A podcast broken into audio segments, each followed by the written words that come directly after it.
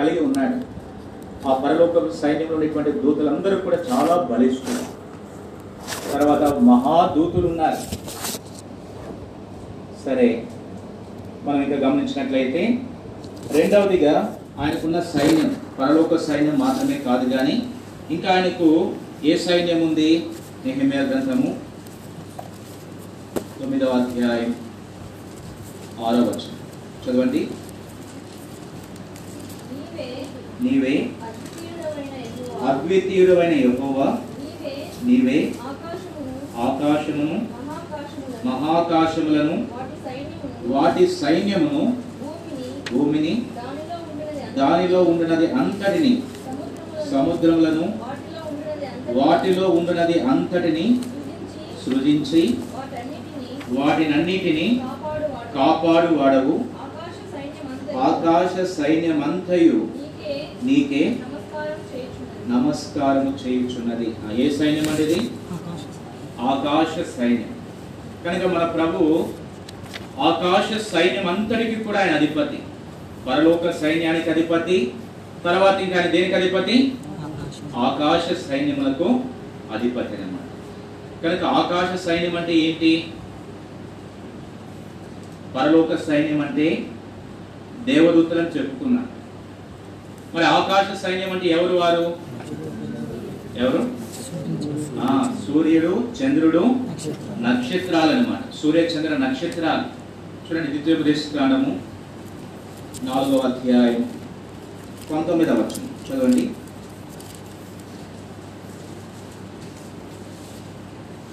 ద్వితీయోపదేశ కాండము నాలుగవ అధ్యాయం పంతొమ్మిదవ వచనం. సూర్య చంద్ర నక్షత్రములైన ఆకాశ సైన్యమును చూసి మరలు కొల్పబడి ఈ దేవుడైన యహోవా చాలే. ఇక్కడ మనం గమనించినట్లయితే సూర్య చంద్ర నక్షత్రములైన ఆకాశ సైన్యమును చూచి కాబట్టి సూర్యుడు చంద్రుడు నక్షత్రాలు ఇవన్నీ కూడా ఎవరంటే ఆ ఆకాశ సైన్యం దేవుని యొక్క సైన్యం. కనుక ఆ సైన్యమునకు ఏం చేస్తా ఉన్నారు ఈ దినాల్లో ప్రజలంటే? మరలు కొలుపబడి ఏం చేస్తా ఉన్నారు? చదవండి.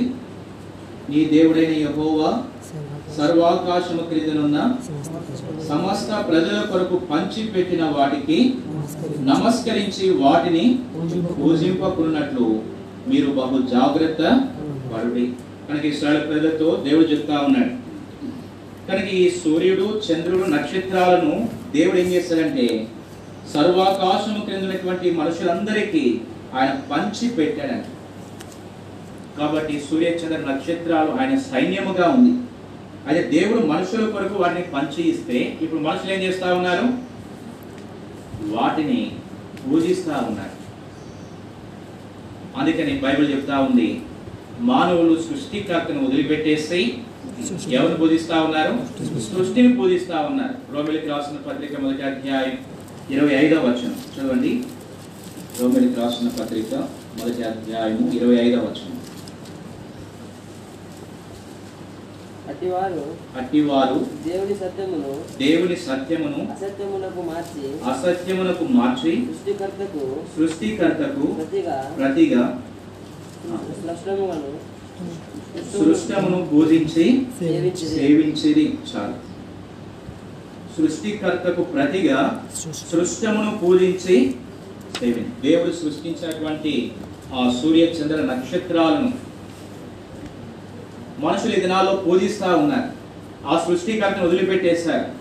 ఆ ఆకాశ సైన్యములకు అధిపతినటువంటి యహోవాను వదిలిపెట్టి ఇప్పుడు ఎవరిని పూజిస్తా ఉన్నారంటే ఆయన సృష్టిని కనుక ఈ సూర్య చంద్ర నక్షత్రాలు దేవుని యొక్క చేతి పనులు. ఆయన సృష్టించాడు. ఆయన సృష్టించిన సృష్టిని ఆ, ఈ దినాల్లో లోకమంతా చాలా మంది అనేకులు పూజిస్తా ఉన్నారు. అయితే మన ప్రభు ఎవరంటే వాటిని సృష్టించినటువంటి సృష్టికర్త. వాటికి అధిపతిగా సైన్యాధిపతిగా ఆయన ఉన్నాడనమాట తోమ ఇండియాకు వచ్చినప్పుడు తను మొట్టమొదటిగా చూసిన దృశ్యం ఏంటంటే ఏం చూశాడు? పైకి యేసు ప్రభు శిష్యుడైనటువంటి తోమ ఆ ఇండియా దేశంలో తాను కాలు పెట్టినప్పుడు ఆ ఓడ దిగాడు.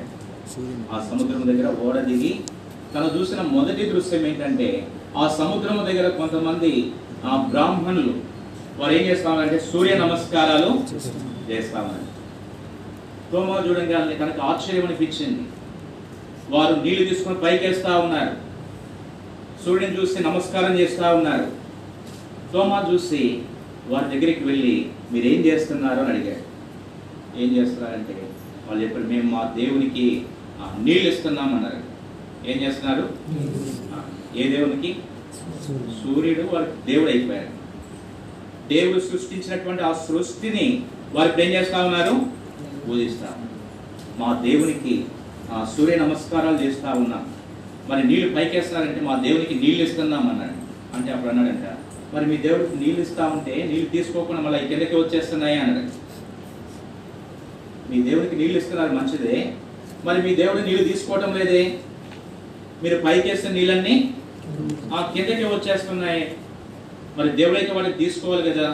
అని అంటే ఎట్లా తీసుకుంటాడు? పైకేసిన కిందకి రాక పైకి పోతాయా అని అప్పుడు తోమా చెప్పాడంట ఏం చెప్పాడంటే? ఆ సూర్యుడిని సృష్టించినటువంటి సృష్టికర్త ఒక ఆయన ఉన్నాడు. ఆయన ఆ నిజమైన దేవుడు.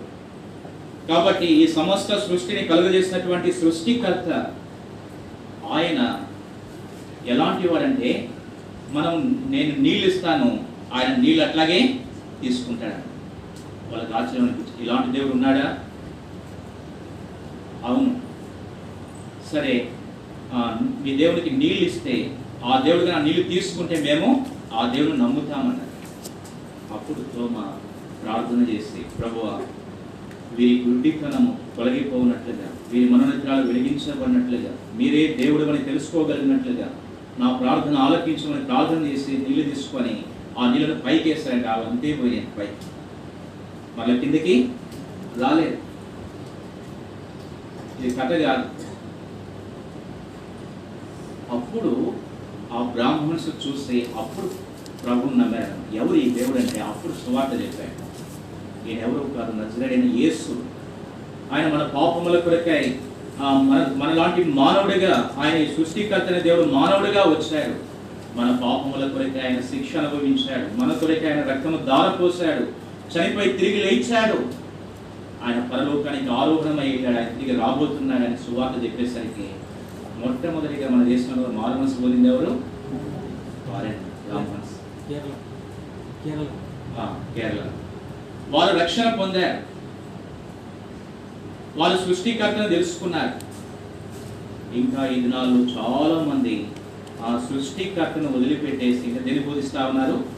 సృష్టినే పూజిస్తా ఉన్నారు. కానీ కనుక ఈ సూర్య చంద్ర నక్షత్రాలు ఎవరంటే ఆయన సృష్టించినటువంటి సృష్టి తర్వాత ఆయనకు ఆకాశ సైన్యముగా ఉన్నాయన్నమాట. అందుకని దేవుని యొక్క ఆకాశ దేవునికి ఉన్న ఆకాశం సైన్యం ఎవరంటే సూర్య చంద్ర నక్షత్రాలు అన్నమాట చూడండి యోగల్ గ్రంథము.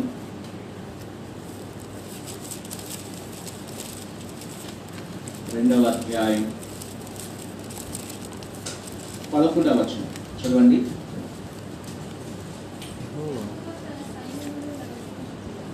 ఎగోవా తన సైన్యమును నడిపించుచు ఉరుము వలె గర్జించుచున్నాడు.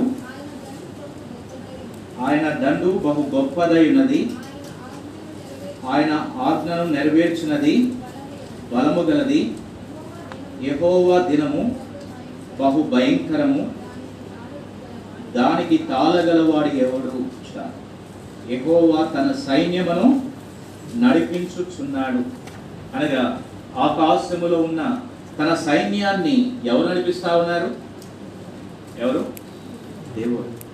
కనుక మనం ఆరాధించే ప్రభు ఆయన సైన్యములకు అధిపతి అయినటువంటి యెహోవా. సైన్యాధిపతి యొక్క పని ఏంటంటే సైన్యమును నడిపించటం. కనుక పరలోకములో ఉండేటువంటి ఆ సైన్యాన్ని నడిపిస్తున్నాడు. తర్వాత ఆకాశములో ఉన్న సైన్యాన్ని కూడా ఆయన నడిపిస్తాడు. ఆయన యొక్క ఆజ్ఞ ప్రకారము ఈ సైన్యం అంతా నడుచుకుంటా ఉంది. ఈ సూర్యుడు కానీ చంద్రుడు కానీ నక్షత్రాలు కానీ ఇవన్నీ కూడా ఆయన నడిపిస్తున్నాడు కాబట్టి అవి నడుస్తూ ఉన్నాయి. ఆయన చెప్పినటువంటి విధానంలో ఆయన కట్టడలు నెరవేరుస్తా ఉన్నాయి. ఆయన మాటకు లోబడి తూచా తప్పకుండా ఆయన ఏదైతే ఆజ్ఞాపించాడో దానినే అవి నెరవేరుస్తారు నువ్వు ఇదే కక్షలో తిరగాలి అని ఆజ్ఞాపిస్తే సూర్యుడు అదే కక్షలో ఉన్నాడు. భూమి అదే కక్షలో ఉంది. చంద్రుడు అదే కక్షలో నక్షత్రాలు కూడా వాటి వాటికి నియమించిన కక్షలో ఉన్నాయి. కారణం ఏంటంటే దేవుడు వాటిని నడిపిస్తా ఉన్నాడు. ఆయన సైన్యములకు అధిపతి అయినటువంటి యహోవా. కనుక ఆయన నడిపించు తన సైన్యాన్ని ఆయన నడిపిస్తా ఉన్నాడు అనమాట చూడండి యశ్యా గ్రంథము నలభై అధ్యాయం ఇరవై ఆరో వచనం. చదవండి. మీ కన్నులు పైకెత్తి. నీ కన్నులు పైకెత్తి. చూడుడి. చూడుడి. వీటిని ఎవడు సృజించును? వీటిని ఎవరు సృజించను? వీటి లెక్క చొప్పున. వీటి లెక్క చొప్పున. వీటి సమూహములను వీటి సమూహములను బయలుదేర చేసి బయలుదేర చేసి వీటన్నిటికీ పేర్లు పెట్టి వీటన్నిటికీ పేర్లు పెట్టి పిలుచువాడే కదా పిలుచువాడే కదా మీ కన్నులు పైకెత్తి చూడుడి. వీటిని ఎవడు సృజించను? మీ కన్నులు పైకెత్తి చూడండి. పైకెత్తి కన్నులు పైకెత్తి చూస్తే ఏం కనబడతాయి మనకి? సూర్యుడు చంద్రుడు నక్షత్రాలు మనకు కనబడతాయి వీటిని ఎవడు సృజించాడు? కనుక ఎవరు సృజించారంటే అవన్నీ కూడా ఆయన సృజించినవి. ఎనిమిదవ కీర్తనలో కీర్తన చూడండి ఎనిమిదవ కీర్తన మూడవ వచనం. ఎనిమిదవ కీర్తన మూడవ వచనం. నీ చేతి పని అయిన నీ ఆకాశములను నీ చేతి పని అయిన నీ ఆకాశములను నీవు నీవు కలగజేసిన నీవు కలుగజేసిన చంద్ర నక్షత్రములను చంద్ర నక్షత్రములను నేను చూడగా. నేను చూడగా. చంద్ర నక్షత్రం ఎవరు కలుగజేశారంట నీవు కలుగజేశావు కనుక మన ప్రభు ఆయన చంద్ర నక్షత్రాలు కలుగజేశారు తర్వాత ఆకాశంలో కలుగజేశారు ఈ సమస్త సృష్టిని ఆయనే కలుగజేశారన్నమాట అందుకనే ఆయన యొక్క ఆజ్ఞకు సృష్టి మొత్తము లోపడతా ఉంది. ఆయన సైన్యాధిపతిగా ఆయన సృష్టి అంతటిని ఆయన నడిపిస్తూ ఉన్నాడు. ఆయన ఆజ్ఞకు లోబడతా ఉన్నాయి. కనుక ఆయన ఒక మాట చెప్తే ఆ మాటకు అవి విధేయత చూపిస్తాయి. మనకి. మనకు తెలుసు యహోశివ ప్రార్థన చేస్తే సూర్యునితో చెప్పాడు ఏమన్నాడు? సూర్యుడా నీవు దివ్యంలో ఆగిపో అంటే ఒక రోజంతా ఆగిపోయాడు చూడండి యహోశివ గ్రంథము పదవ అధ్యాయం యహోశివ గ్రంథము పదవ అధ్యాయము. పన్నెండవ వచనం. ఇస్రాయేలు ఎదుట అప్పగించిన దినమున అమోరీలను అప్పగించిన దినమున ఇస్రాయేలీలు వినుచుండగా యెహోవాకు ప్రార్థన చేసి యెహోవాకు ప్రార్థన చేశాను సూర్యుడా సూర్యుడా నీవు గిబియోనులో నీవు గిబియోనులో నిలువుము. చంద్రుడా చంద్రుడా నీవు అయ్యాలోను నీవు అయ్యాలోను లోయలో నిలువుము జనులు జనులు తమ శత్రువుల మీద పగ తీర్చుకునే వరకు పగ తీర్చుకుని వరకు సూర్యుడు నిలిచెను సూర్యుడు నిలిచెను చంద్రుడు ఆగిను. చంద్రుడు ఆగెను. అను మాట చాలు. ఇక్కడ యహోశువ ప్రార్థన చేసి సూర్యునికి చంద్రునికి ఆజ్ఞాపించగానే సూర్యుడు నిలిచిపోయాడు. చంద్రుడు ఆగిపోయాడు. చూసారా అంటే ఒక మనిషి సూర్యుని ఆపగలిగినాడు చంద్రుని ఆపగలిగినాడు దేవుని సహాయం చేత దేవునికి ప్రార్థన చేసి. కనుక ఆ మానవునికి దేవుడు ఎంత అధికారం ఇచ్చాడో ఇక మనకు అర్థమవుతా. అందుకే దేవుడు ఆదాం అవలను సృష్టించిన తర్వాత వారికి ఏమి ఇచ్చాడు? అధికారం మీరు- వీటన్నిటిని ఏలండి అని చెప్పాడు. పరిపాలించండి అని చెప్పాడు. కాబట్టి సూర్య చంద్ర నక్షత్రాల కంటే ఆ, ఎవరు శ్రేష్ఠులు? మనమే శ్రేష్ఠులం. వాటికంటే దేవుని దృష్టిలో మనమే విలువైన వారం. మనం దేవుని పిల్లలము. మనం ఆయన కుమారులము కుమార్తెలము. ఇంకో మాటలో చెప్పాలంటే కీర్తనకర్ అంటాడు మీరు దైవములు. మనం ఎవరు అంటే? దైవములు. అంటే మనం కూడా దేవులమేనమ్మా దేవుని పిల్లలు ఆ, ఏమవుతారు? దేవుని పిల్లలు దేవుళ్ళే. కాబట్టి ఈ మట్టి వారికి పాపాత్మలకు దేవుడు ఎంత అధికారం ఇచ్చాడు. ఎంత ఆధిక్యత ఇచ్చాడు మీరును ఆ దైవములనియు అంటే మనము దేవులతో ఆ, పోల్చబడ్డాం. దేవుని తర్వాత ఎవరంటే మనమే అన్నమాట. కాబట్టి మన ఆయన దేవుడు మనం ఆయన పిల్లలం. కనుక కుక్క పిల్లలు కుక్క పిల్లలు ఏమవుతాయి? కుక్కలే అవుతాయి. అంతే కదా? పంది పిల్ల పందే అవుతుంది. అట్లాగే దేవుని పిల్లలు దేవుళ్ళమే పరలోకములో మనం దైవత్వములోనికి ఆయన స్వభావములోనికి మార్చబడతాం. అక్కడ మనం ఎట్లా ఉంటామంటే ఆ దేవదూతలకి మనము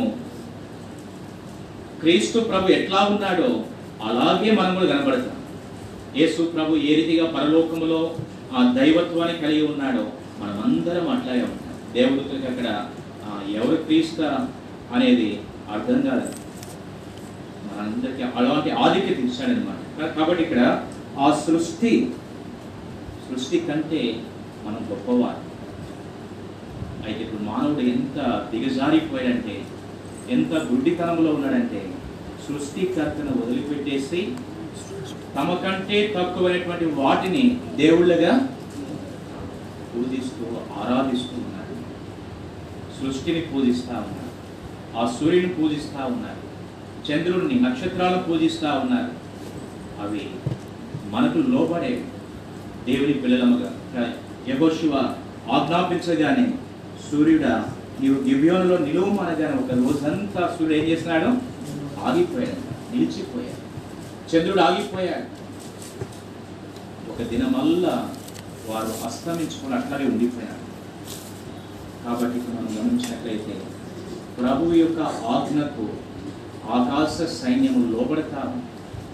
ఆయన సైన్యం ఆకాశంలో ఉందన్నమాట.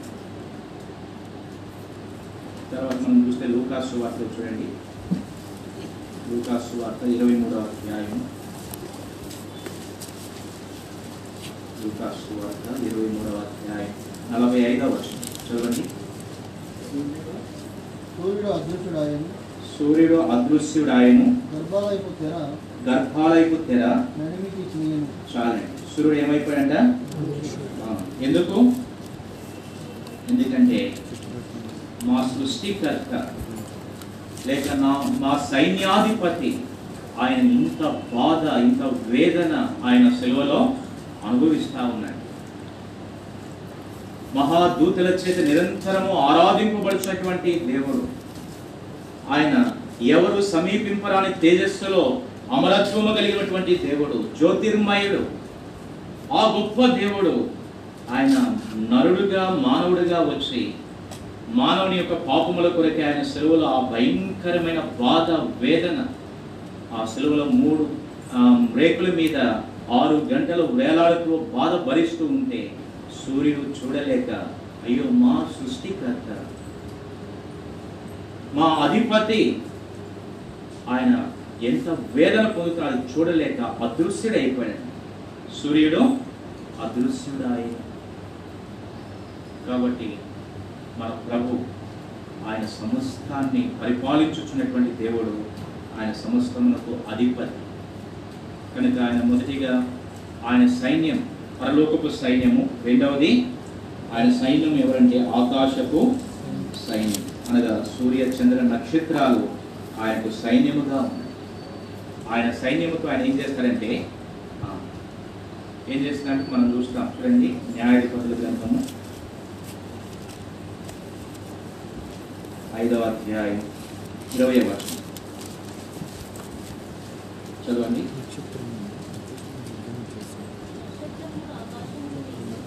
నక్షత్రములు ఆకాశం నుండి యుద్ధము చేశాను నక్షత్రములు తమ మార్గములలో నుండి సిసేరాతో యుద్ధము చేశాను చాలు. నక్షత్రములు ఆకాశం నుండి యుద్ధం చేశాను కనుక దేవుని సైన్యముగా దేవుడు ఆజ్ఞాపిస్తే నక్షత్రాలు కూడా ఏం చేస్తారు తన ప్రజల కొరకు యుద్ధం చేస్తాను కాబట్టి ఆయన ఆకాశ సైన్యములకు ఆయన అధిపతి. తర్వాత మూడవది మన ప్రభు ఎవరంటే? ఆయనకున్న సైన్యం ఇంకెక్కడుంది ఈ భూమి మీద కూడా ఆయన సైన్యం ఉంది మనం కొన్ని వారం మనం చూపించాం చూడండి. యోగల గ్రంథము రెండవ అధ్యాయం ఇరవై ఐదవ వచనం. చదవండి.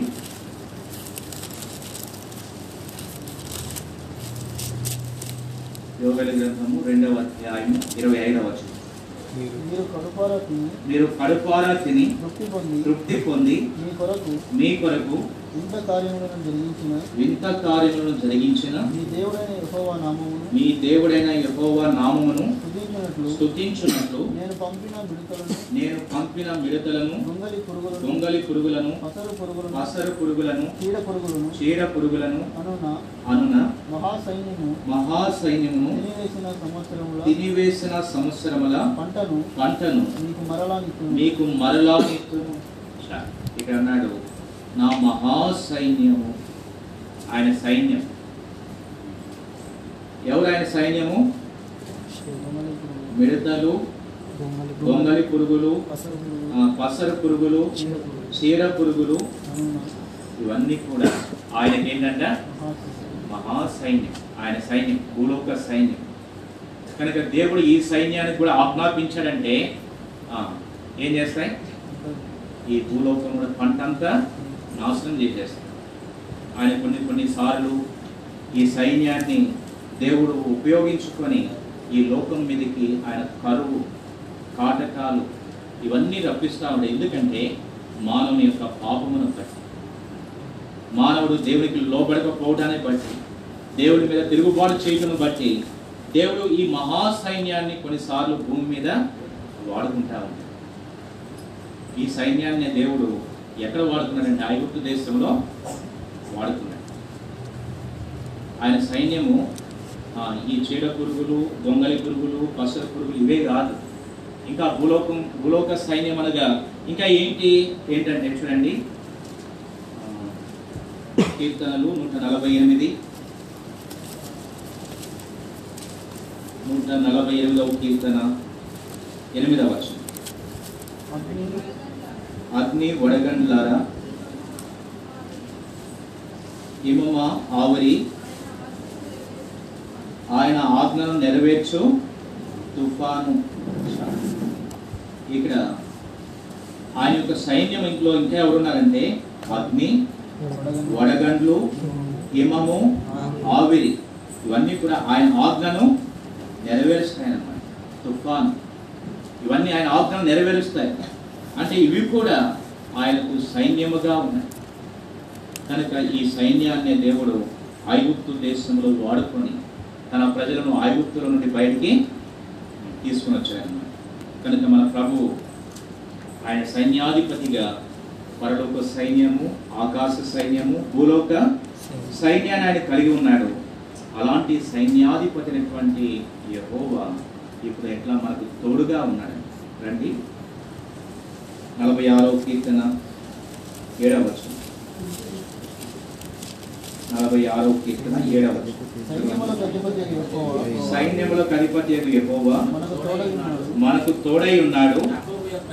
యాకోబు యొక్క దేవుడు ఆశ్రయమై ఉన్నాడు మనకు ఆశ్రయమై ఉన్నాడు. సైన్యములకు అధిపతి అవి యెహోవా మనకు ఇలాంటి గొప్ప దేవుడు. ఆయన సైన్యం సామాన్యమైన సైన్యం కాదు. ఈ లోకంలో ఏ దేశానికి కూడా ఇలాంటి సైన్యము లేదు. ఆయన సైన్యం శక్తివంతమైనటువంటి సైన్యం. ఈ లోకంలో అమెరికా దేశాన్ని గమనించినట్లయితే అమెరికా దగ్గర ఉండేటువంటి ఆ శక్తివంతమైన ఆయుధాల కంటే దేవుని దగ్గర ఉండేటువంటి బలవంతులైనటువంటి ఆ దేవదూతలు ఎంతో శక్తివంతులన్నమాట. కనుక ఆయనకున్న సైన్యము ఇంకా వేరే ఎవరికి లేదు. అలాంటి బలవంతుడైనటువంటి సైన్యాధిపతినటువంటి దేవుడు ఆయన నీకు నాకు తోడుగా ఉన్నాడంటే మనం ఎంత ధన్యులము కనుక ఈ ఉదయకాలము ఆ సైన్యాధిపతి మన ప్రభువును బట్టి మనము సంతోషిస్తూ ఆయన ఆరాధించాలి. ప్రభువా నీవు సైన్యాధిపతిగా నీలాంటి సైన్యాధిపతి ఇంకా ఎవరు లేరు ప్రభువా. నీవు పరలోకపు సైన్యమును ఆకాశ సైన్యమును భూలోక సైన్యాన్ని నీవు కలిగి ఉన్నావు. అలాంటి గొప్ప సైన్యాధిపతి అయినటువంటి మీరు నాకు తోడుగా ఉన్నారు.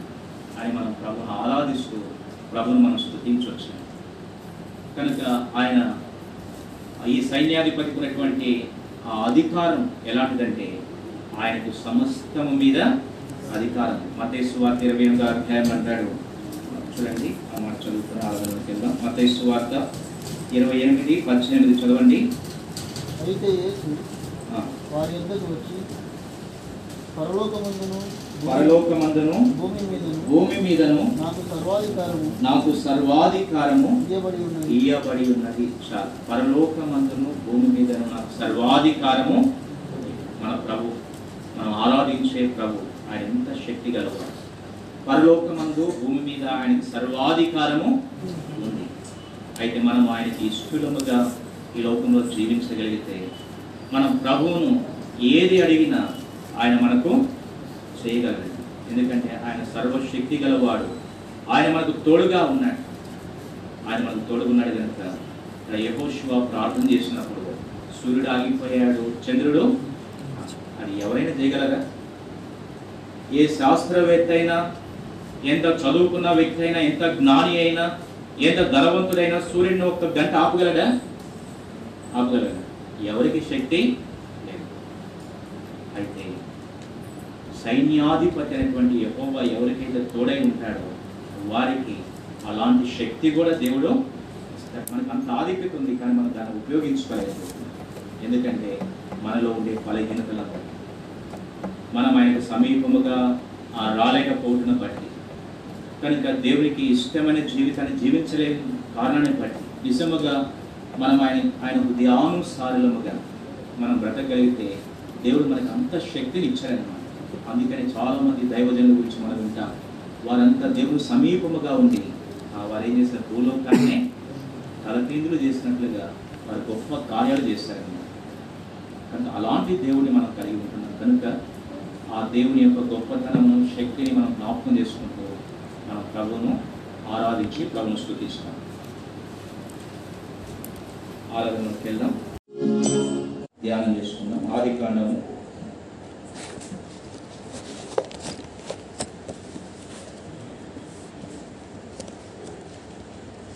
నాలుగవ అధ్యాయం.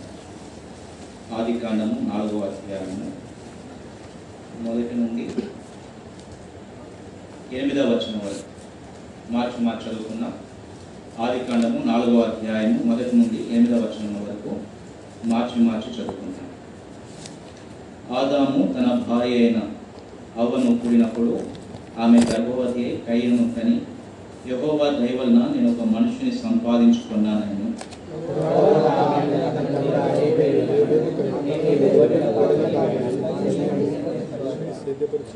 కొంతకాలమైన తర్వాత కయ్యను పొలం పంటలో కొంత యహోవాకు అర్పణగా తెచ్చాను.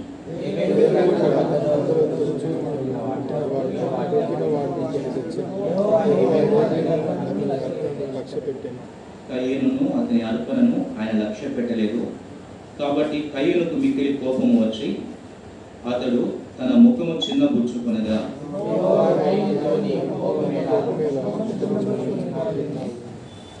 నీవు సత్రియ చేసిన ఎడల తలనెత్తుకునవా?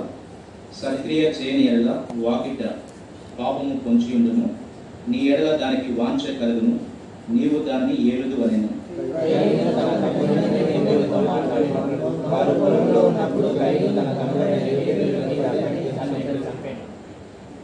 చిన్న ప్రార్థన చేస్తాం. ప్రేమల తండ్రి యేసు నామమున మీ వందనాలు. యవనస్తులముగా మేము కలిసి వచ్చాం. చదువుకున్న వాక్యాన్ని దీవించండి. మాతో మాట్లాడుతూ రండి. ప్రభు మీ స్వరాన్ని వినిపింపచేయండి. మరి యవనస్తులముగా మేము క్షేమాభివృద్ధి పొందినట్లు మీరే మాతో మాట్లాడమని దాసు మరుగు చేయమని యేసు ప్రభు నామమున ప్రార్థించి వేడుకుంటున్నాము తండ్రి. ఈ భాగం మనందరికీ బాగా పరిచయమే. ఇక్కడ కయ్యను హేబేలు. ఇద్దరు కూడా దేవునికి ఏం తీసుకొచ్చారు? అర్పణ తీసుకొచ్చారు. అర్పణ తీసుకొచ్చినప్పుడు ఆ దేవుడు హేబేలు యొక్క అర్పణ అంగీకరించాడు. కయ్యని యొక్క అర్పణ అంగీకరించాడు. అప్పుడు ఏం జరిగింది? కయ్యనుకు ఏమొచ్చిందంటే? కోపం వచ్చింది. కయ్యనికి ఏమొచ్చిందంటే కోపం వచ్చింది. ఎందుకు వచ్చింది? ఎందుకు వచ్చింది తన అర్పణ అంగీకరించలే. అంగీకరించలేదని రాలేదు. దేనికి వచ్చిందంటే తన సహోదరుని యొక్క అర్పణ దేవుడు అంగీకరించాలని వచ్చిందండి. చాలాసార్లు మనకి ఒక వ్యక్తి ఫెయిల్ అయితే తనకు అంత బాధ ఉండదు. తనతో పాటు ఉన్న వాళ్ళందరూ పాస్ అయిపోయారంటే తనకి ఏమొస్తుంది? అప్పుడు బాధ వస్తుంది. కదా? మన స్వభావం అది.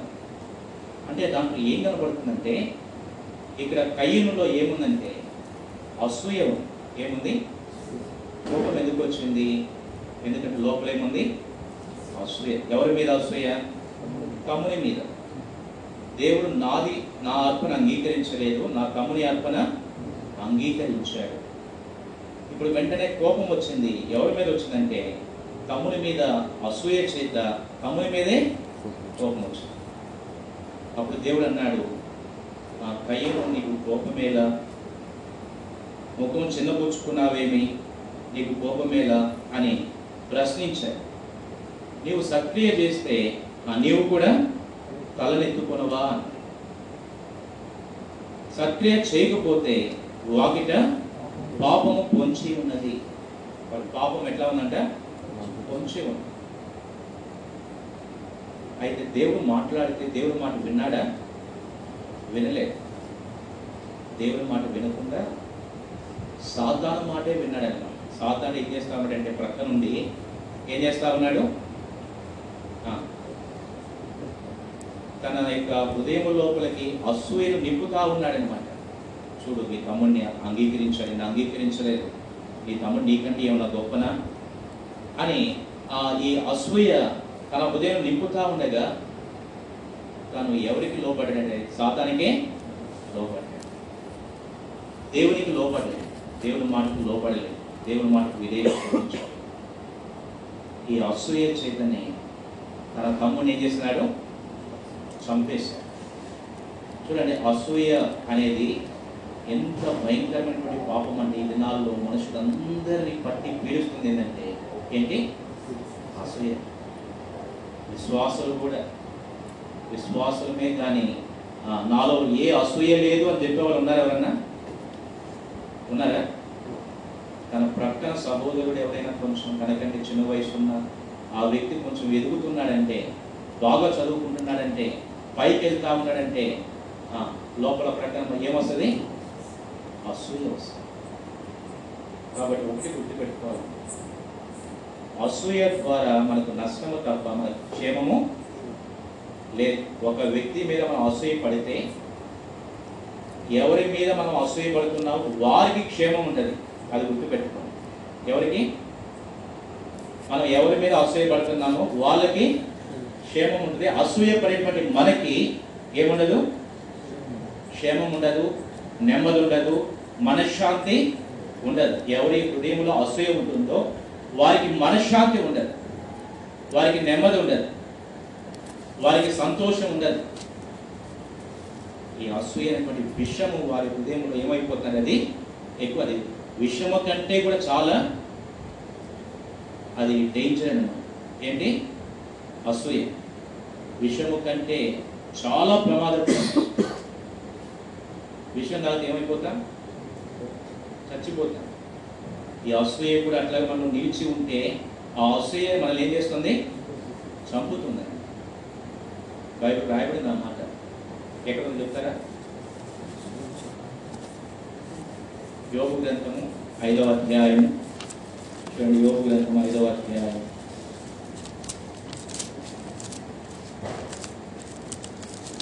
రెండవ వచనం చదవండి. దౌర్భాగ్యమును కూర్చి ఏడ్చుట వలన మూడులు నశించెదరు. బుద్ధి లేని వారు అసూయ వలన చచ్చెదరు. దేని వలన చేస్తారంటే? అసూయ వలన చచ్చెదరు. అసూయ ఏం చేస్తుంది? చంపుతుంది. అందుకని అసూయ అనేది చాలా ప్రమాదకరమే. ప్రమాదకరమైనది కాబట్టి ఇక్కడ కయ్యను అసూయ చేత తన తమ్ముని చంపాడు. తద్వారా తనకి ఏం సంభవించిందంటే తనకు శాపం వచ్చింది. దేవుడు ఏం చేస్తున్నాడు? కయ్యను శపించాడు. నీవు శపించబడిన వాడవు అన్నాడు దేవుడు అంతే. దేవుడు కయ్యను శపించాడు. ఆదాం పాపం చేశాడు. అయితే దేవుడు ఆదామును శపించలేదు. ఆదామును దేవుడు శపించలేదు. ఆదాము పాపమును బట్టి ఎవరిని క్షమ ఆదాం చేసిన పాపానికి దేవుడు ఎవరిని క్షమి క్షపించాడు ఆ, సర్పమును కాదు.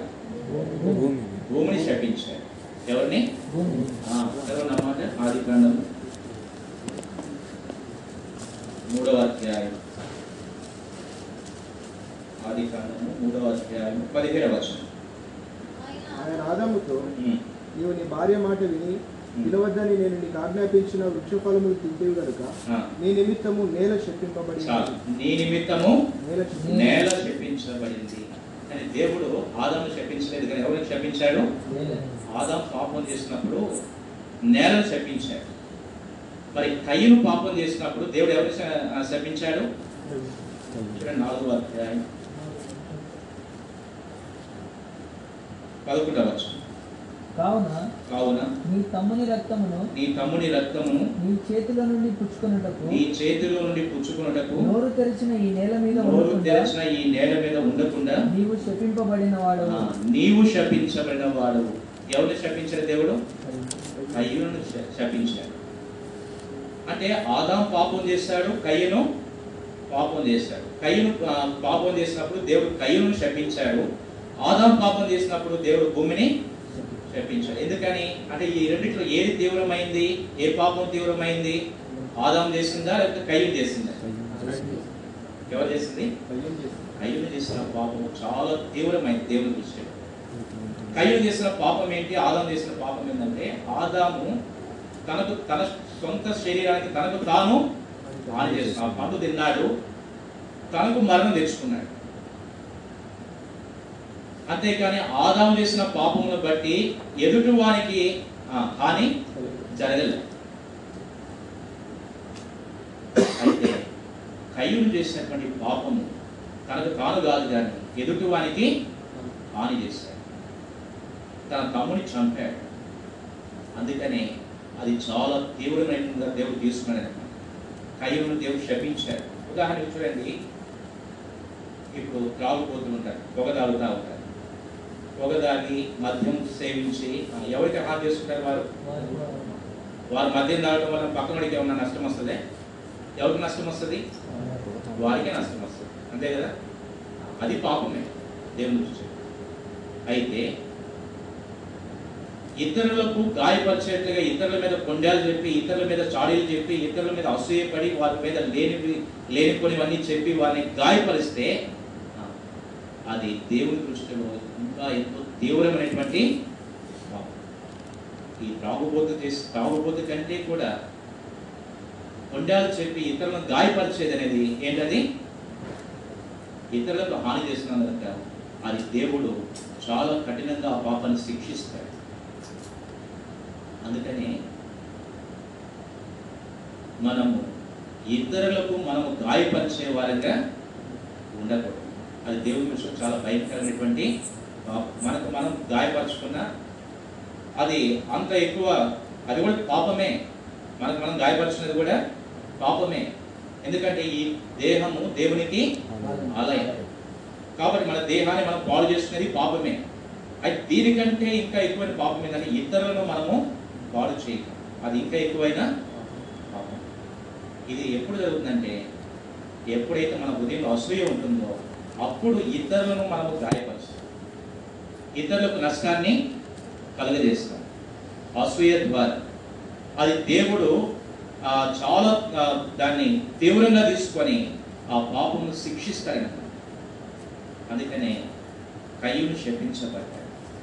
కయ్యంలో ఉన్న అసూయన అసూయ అనేది చాలా మన జీవితాన్ని నష్టాన్ని తీసుకొస్తుంది. వృద్ధి లేనటువంటి వారు అసూయ పడేవారు ఎవరంటే? ఎవరు?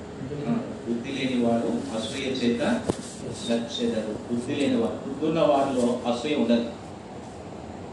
మనలో అసూయ వస్తుందంటే ఎవరి మీదైనా. నీ ప్రక్కన నీ స్నేహితుడు లేకపోతే నీ స్నేహితురాలు బాగా చదువుకుంటుందంటే మంచి జ్ఞానంతో ఉందంటే లేకపోతే మంచిగా ఆమె ఎదుగుతా ఉందంటే ఆ వ్యక్తి ఎదుగుతా ఉన్నాడంటే ఆ వ్యక్తిని చూసి అసూయ పడుతున్నామంటే మనం ఎవరము బుద్ధి లేని వారు ఎవరు మనం? బుద్ధి లేని వారు. బుద్ధి కలిగిన వారిని కాదు. బుద్ధి కలిగినటువంటి వారిలో ఈ అసూయను వారికి చోటు ఇవ్వలేనమాట కాబట్టి బుద్ధి కలిగినటువంటి వారంటే ఎవరు? బుద్ధి లేని వారంటే ఎవరు? ఇక అమర్తేశ్వార్త ఇరవై ఐదో అధ్యాయంలో పది మంది కన్నికల గురించి రాయబడి. వారు ఐదుగురు బుద్ధి గల కన్యకలు ఐదుగురు బుద్ధి లేని కన్యకలు. కన్యకలు అంటే పది మంది కన్యకలే పది మంది ఎవరు? కన్యకలే కానీ వారు ఐదుగురు బుద్ధి గల వారు ఐదుగురు బుద్ధి లేని వారు. అంటే బుద్ధి లేని వారు ఎందుకు రాయబడింది అక్కడ? అంటే వారు భౌతికంగా కన్యకలుగానే ఉన్నారు. వారు భౌతికంగా శరీరములో ఏ పాపము చేయటం లేదు కానీ అయితే వారు అంతరంగ జీవితంలో రహస్య జీవితంలో వారు పాపం చేస్తా ఉన్నారు అంతరంగంలో వారు తప్పిపోతా ఉన్నారు. రహస్య జీవితంలో వారు నమ్మకంగా లేరు. పైకి మాత్రం బాగానే ఉన్నారు. కానీ అంత ఆ రహస్య జీవితంలో మాత్రం వారి ఆలోచనలు ఎంతో భయంకరంగా ఉన్నాయి వారి చూపులు ఎంతో భయంకరంగా ఉన్నాయి వారి తలంపులు ఎంతో భయంకరంగా ఉన్నాయి అంతరంగములో వారు ఎంతో తప్పిపోతా ఉన్నారు. అందుకనే వారు భౌతికంగా పాపం చేయట్లేదు. అక్షరానుసారంగా పాపం చేయటం లేదు. వారి శరీరంతో పాపం చేయట్లేదు కానీ వారి యొక్క మనస్సుతో మనస్సులో వారు ఏం చేస్తా ఉన్నారు? పాపం చేస్తారు అందుకనే వారి గురించి ఏమైనా బుద్ధి లేని కానీ వారు బుద్ధి లేని వారు. అంటే రహస్య జీవితాన్ని కాపాడుకోలేనటువంటి వారందరూ ఎవరు? బుద్ధి లేని వారు. మరి వీళ్ళ గురించి బుద్ధి గల కనికలు ఎందుకు రాశారు? ఎందుకు రాయబడిందంటే వారు పైకి భౌతికంగా ఎట్లా పరిశుద్ధతను కాపాడుకుంటున్నారో శరీరానుసారంగా పాపం చేయకుండా అదే రీతిగా వారి యొక్క రహస్య జీవితాన్ని కూడా అట్లానే కాపాడుకుంటారు. వారి రహస్య జీవితము కూడా అంత పరిశుద్ధంగా కాపాడుకుంటున్నారు. రహస్య జీవితం నమ్మకంగా బ్రతుకుతున్నారు. చెడు ఆలోచనలు వచ్చిన రాత్రులు మానవు వచ్చిన వెంటనే ఆ ఏ చేస్తామో వాటిని? వాటిని తుంచి వేస్తావు ఈ ఆలోచన రాగానే శ్రీ ఈ ఆలోచన నాకు రాకూడదు కదా అని దాన్ని అక్కడే లోపలికి పోనీయకుండా ఉంచేస్తాము ఈ రీతిగా వారు ఆ రహస్య జీవితంలో కూడా పరిశుద్ధులను కాపాడుకుంటారు. అందుకని వారి గురించి రాయబడింది వారు బుద్ధి గల కన్యకలు.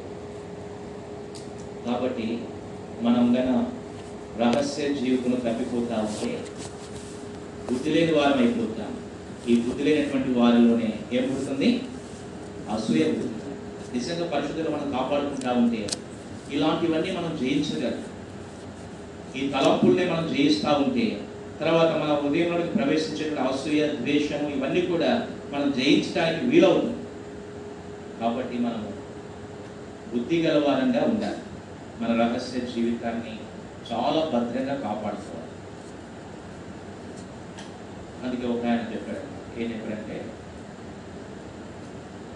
మొదటిసారి మనం చూసే చూపులో పాపము ఉండదు.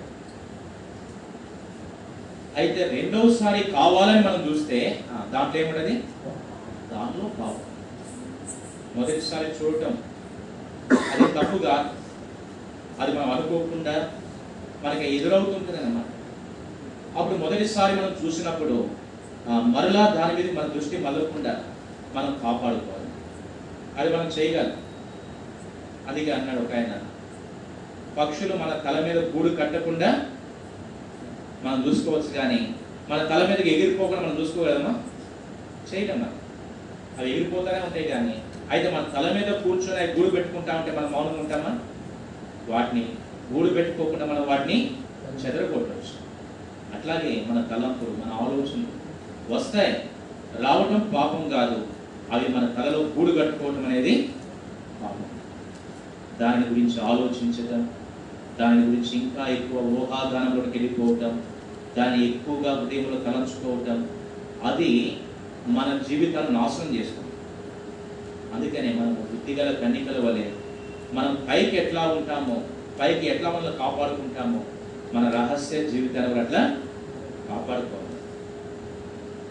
అప్పుడే మనం బుద్ధిగల వారని కనుక బుద్ధి లేనటువంటి వారు అసూయ చేత చచ్చేదారు కనుక ఈ అసూయ అనేది మనలోకి రాకుండా మనం జాగ్రత్త పడాలి. ఒకవేళ వచ్చిన వెంటనే మనుషులు కాబట్టి వస్తుంది. సహజంగా వస్తుంది. ఒక వ్యక్తి బాగా పాటలు పాడుతున్నాడంటే ఇంకో వ్యక్తికి ఏమొస్తుంది అసూయ వస్తుంది. ఒక వ్యక్తి బాగా వాక్యం చెప్తానంటే ఇంకొక వ్యక్తికి అసూయ వస్తుంది. అయితే మనం ఏం చేయాలి దాన్ని? ఎప్పుడైతే ఆ తలంపు వస్తుందో ప్రభు దగ్గర ప్రభు అన్నాలో ఈ తలంపు తీసివేయి నన్ను క్షమించు. అని మనం దాన్ని ప్రభు దగ్గరికి వచ్చి క్షమాపణ చెప్పి దాన్ని ఆ ఆలోచన వదిలేసేయాలి. ప్రభు నా సహోదరుడిని మీద నాకు అసూయ రాకుండా తన మీద నాకు ప్రేమ దయచేయని ప్రార్థన చేయాలి. నిజంగా మనం చేయగలిగితే మనం ఎంత బుద్ధిగల వారం అవుతాం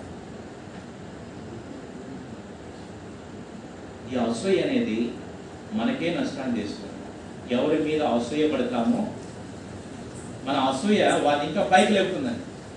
మన అసూయ ఏం చేస్తుంది వారిని? మనం ఎంత అసూయ పడుతుంటామో వారు అంతగా ఇంకా పైకి ఎదుగుతూ ఉంటారన్నమాట. అది గుర్తుపెట్టుకోవాలి. మనం అసూయ పడి వారిని ఇంకా ఏం చేస్తున్నాం? పైకి? వారిని ఇంకా పైకి లేపుతా ఉన్నాం. ఈ బైబిల్లో కూడా చూస్తాం. యోసేపు యొక్క అన్నలు యోసేపు మీద ఏం పడ్డారు? అసూయ పడ్డారు. అసూయ పడి పగబట్టి మరింత పగబట్టి చంపాలని ప్రయత్నం చేసి ఎందుకు చేశారు? వారి అసూయనే ఆ యోసేపు ఎక్కడికి తీసుకెళ్ళింది? ఐగుప్తుల సింహాసనం మీదకి అన్నలే అసూయ పడిపోతే యోసేపు అక్కడికి వెళ్ళేవాడా? అక్కడికి వెళ్ళేవాడు కాదు. కాబట్టి మనం ఒక వ్యక్తి మీద అసూయ పడుతున్నామంటే ఒకటి గుర్తు పెట్టుకోవాలి దేవుడు మన అసూయను బట్టి ఆ వ్యక్తిని ఆశీర్వదిస్తాడు. నీ మీద ఎవరైనా అసూయ పడుతున్నారంటే బాధపడదు మనకేమైనా బాధ అనిపిస్తుంది. నా మీద అందరూ అసూయపడుతున్నారు ఏం ఏ పని చెప్తున్నారు నా గురించి అంతా చెప్తున్నారు ఏమేమో చాటిస్తా ఉన్నారు కొండలు చెప్తా ఉన్నారు మనకేమవుతుంది? బాధ అనిపిస్తుంది. మనం ఒకటి గుర్తుపెట్టుకోవాలి. ఎవరైనా మన మీద అసూయపడుతున్నారంటే మనం బాధపడాల్సిన అవసరము లేదు. వారి అసూయనే మనల్ని ఇంకా పైకి తీస్తారు వారు ఎంత అసూయపడుతుంటారో అంతగా దేవుడు మనల్ని ఆశీర్వదిస్తారు. దావీది మీద సౌలు అసూయపడ్డాడు. కదా? గొలియాతను చంపినందుకు చంపి తిరిగి వస్తా ఉంటే ఆ ఇస్రాయేల్ స్త్రీలు అన్నారు పాట పాడారు. సౌలు వేల కొలదియు దావీదు పదివేల కొలదియు. శత్రువును హతం చేశారని పాడుతూ ఉంటే సౌలుకి దావీది మీద ఏమొచ్చేసింది అసూయ వచ్చేసింది అని దావీదు నాకంటే ఘనపరుస్తారా అనే అసూయతో దావీదును చంపడానికి ప్రయత్నం చేస్తారు ఈ సౌలు యొక్క అసూయనే దావీదుని ఏం చేశాడు దేవుడు? ఆశ్రయించి సింహాసనం మీద తీసుకొచ్చాడు.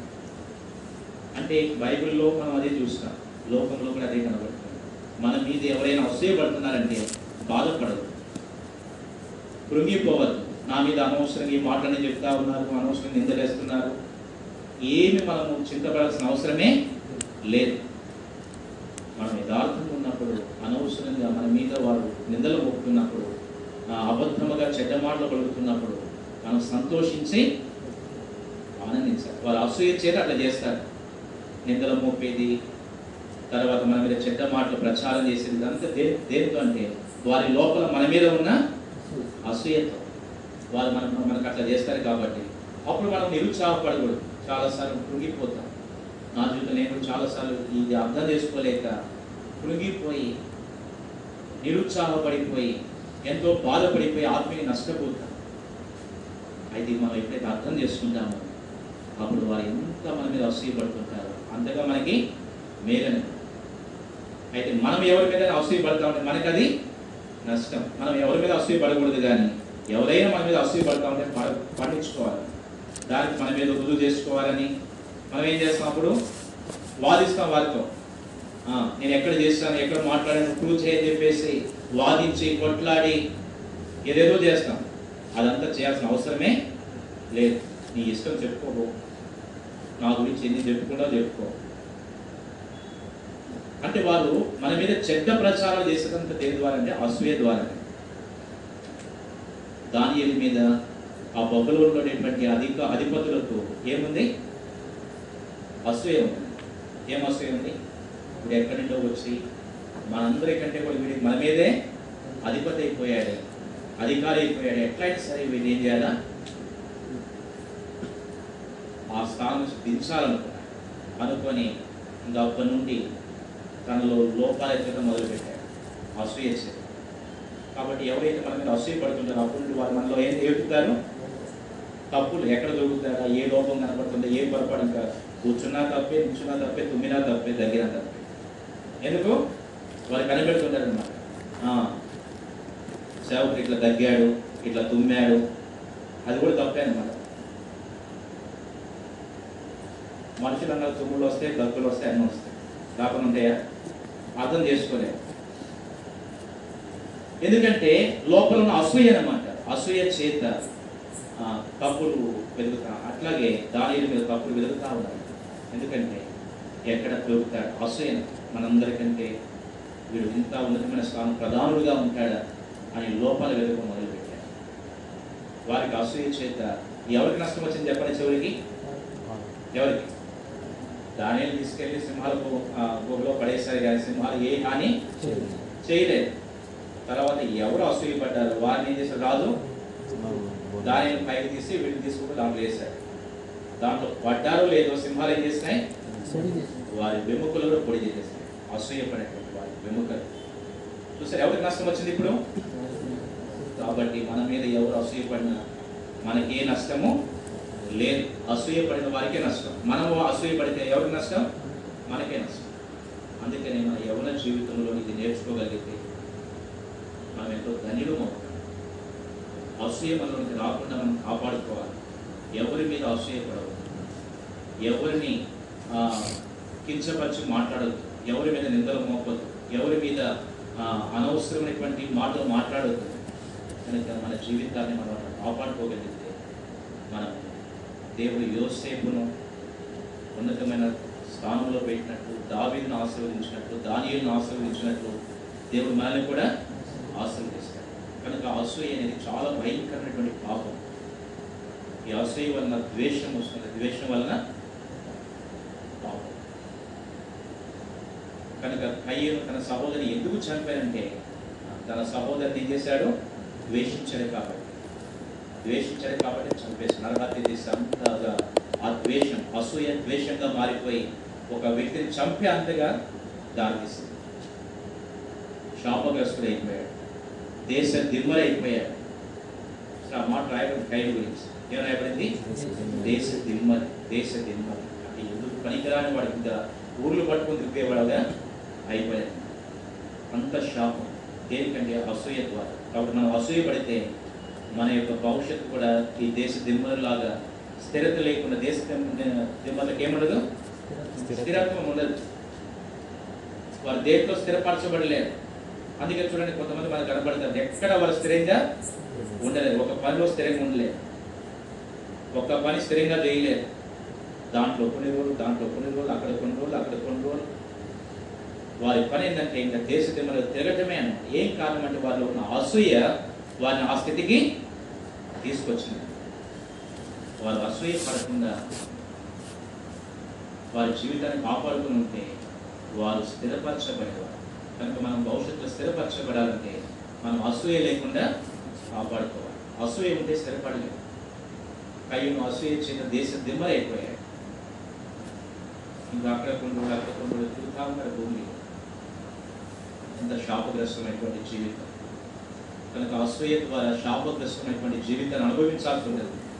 అందుకని అసూయను మనం విడిచిపెట్టాలి. ఎవరి మీద అసూయపడదు అసూయకి ఇంకో పేరు ఏ ఏం పేరు? ఏంటి అసూయ మన భాషలో ఆ, పుల్లు. ఏంటి? పుల్లు అని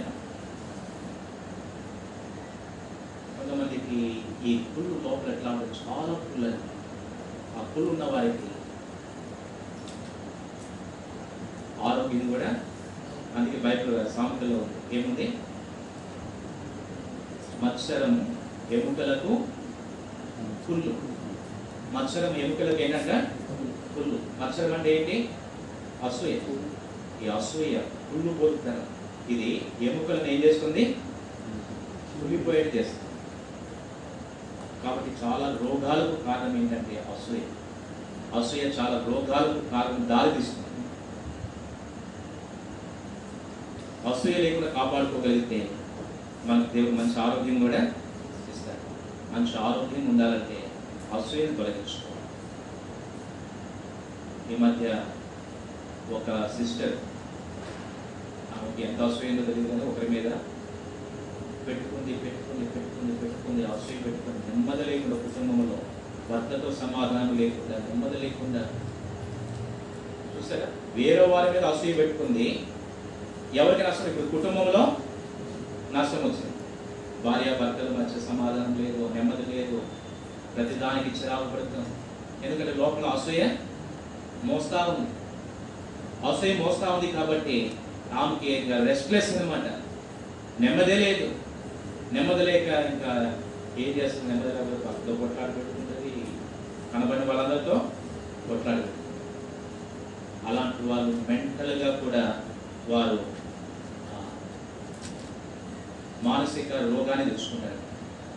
అసూయ ద్వారా ఇన్ని ప్రమాదాలు ఉన్నాయి. అందుకనే అసూయను మనం మన హృదయంలోనికి రాకుండా మనం జాగ్రత్త పడాలి. అసూయ మన హృదయంలోకి వస్తే ఇన్ని నష్టాలు ఉన్నాయి. కాబట్టి యవన కాలంలో మనం తీర్మానం చేసుకున్నాం ప్రభు నేను ఎవరి మీద అసూయపడను? ఒకవేళ ఇప్పుడు ఎవరి మీద అసూయ ఉంటే ఆ ప్రభు దగ్గరికి వచ్చి ప్రభు నాకు తెలియక అసూయ వల్ల ఇంత నష్టం అని తెలియక అసూయపడ్డాను ఇప్పుడు నేను అసూయను తొలగించుకుంటున్నాను ప్రభు. అసూయ నాకు రాకుండా నేను జాగ్రత్త పడతాను ప్రభు. ఎవరైనా నా సహోదరు నాకంటే చిన్న వయసు ఉన్నా పెద్ద వయసు ఉన్నా వారు నాకంటే పైకి ఎదుగుతుంటే వారిని చూసి నేను సంతోషిస్తాను ప్రభు. నిజంగా సంతోషించగలమా? ఆ స్థితికి రావాలి. నిజంగా సంతోషించాలి. ఏదో పై పైకి కాదు. లోపల ఉండదు కానీ పైకి మాత్రం సంతోషం ఉన్నట్టుంటే అది కష్టమే.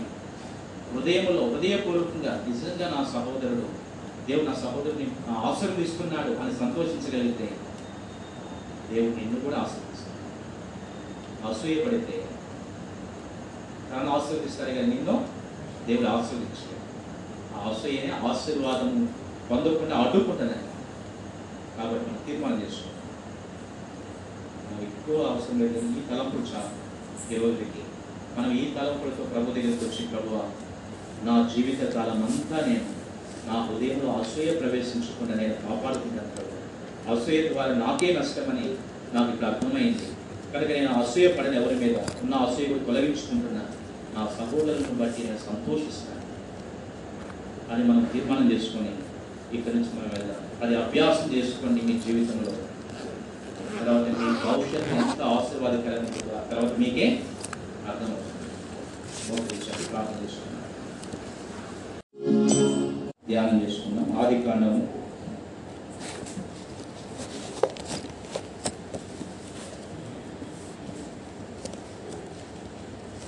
నాలుగవ అధ్యాయం.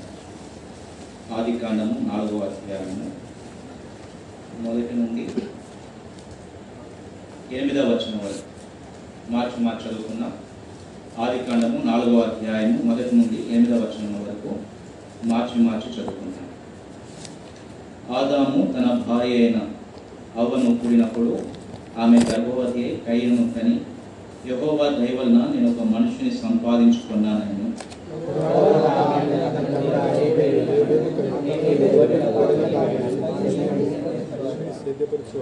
కొంతకాలమైన తర్వాత కయ్యను పొలము పంటలో కొంత యహోవాకు అర్పణగా తెచ్చాను.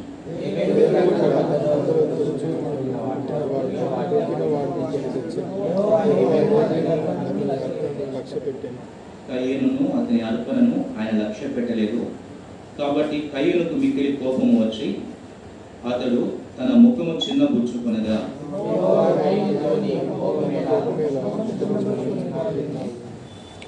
నీవు సక్రియ చేసిన ఎడల తలనెత్తుకునవా?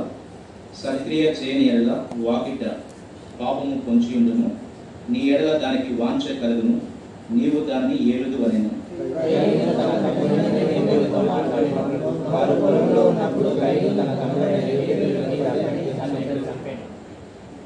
చిన్న ప్రార్థన చేస్తాం. ప్రేమల తండ్రి యేసు ప్రభు నామమున మీకు వందనాలు. యవనస్తులముగా మేము కలిసి వచ్చాం. చదువుకున్న వాక్యాన్ని దీవించండి మాతో మాట్లాడుతూ రండి. ప్రభు మీ స్వరాన్ని వినిపింపచేయండి. మరి యవనస్తులముగా మేము క్షేమాభివృద్ధి పొందినట్లు మీరే మాతో మాట్లాడమని దాసు మరుగు చేయమని యేసు ప్రభు నామమున ప్రార్థించి వేడుకుంటున్నాము తండ్రి. ఈ భాగం మనందరికీ బాగా పరిచయమే. ఇక్కడ కయ్యను ఏబేలు ఇద్దరు కూడా దేవునికి ఏం తీసుకొచ్చారు? అర్పణ తీసుకొచ్చారు. అర్పణ తీసుకొచ్చినప్పుడు ఆ దేవుడు హేబేలు యొక్క అర్పణ అంగీకరించాడు. కయ్యని యొక్క అర్పణ అంగీకరించాడు. అప్పుడు ఏం జరిగింది? కయ్యనుకు ఏమొచ్చిందంటే? కోపం వచ్చింది. కయ్యనికి ఏమొచ్చిందంటే కోపం వచ్చింది. ఎందుకు వచ్చింది? ఎందుకు వచ్చింది? తన అర్పణ అంగీకరించలే. అంగీకరించలేదని రాలేదు. దేనికి వచ్చిందంటే తన సహోదరుని యొక్క అర్పణ దేవుడు అంగీకరించాలని వచ్చిందండి. చాలాసార్లు మనకి ఒక వ్యక్తి ఫెయిల్ అయితే తనకి అంత బాధ ఉండదు. తనతో పాటు ఉన్న వాళ్ళందరూ పాస్ అయిపోయారంటే తనకి ఏమొస్తుంది? అప్పుడు బాధ వస్తుంది. కదా? మన స్వభావం అది. అంటే దాంట్లో ఏం కనబడుతుందంటే ఇక్కడ కయ్యనులో ఏముందంటే అసూయ ఏముంది? కోపం ఎందుకు వచ్చింది? ఎందుకంటే లోపల ఏముంది? అసూయ. ఎవరి మీద అసూయ? తమ్ముని మీద. దేవుడు నాది నా అర్పణ అంగీకరించలేదు నా తమ్ముని అర్పణ అంగీకరించాడు. ఇప్పుడు వెంటనే కోపం వచ్చింది. ఎవరి మీద వచ్చిందంటే తమ్ముని మీద అసూయ చేత తమ్ముని మీదే కోపం వచ్చింది. అప్పుడు దేవుడు అన్నాడు ఆ కయ్యను నీకు కోపమేలా? ముఖం చిన్నపుచ్చుకున్నావేమి నీకు కోపమేలా? అని ప్రశ్నించాడు. నీవు సక్రియ చేస్తే ఆ నీవు కూడా తలనెత్తుకొనవా? అన్నాడు.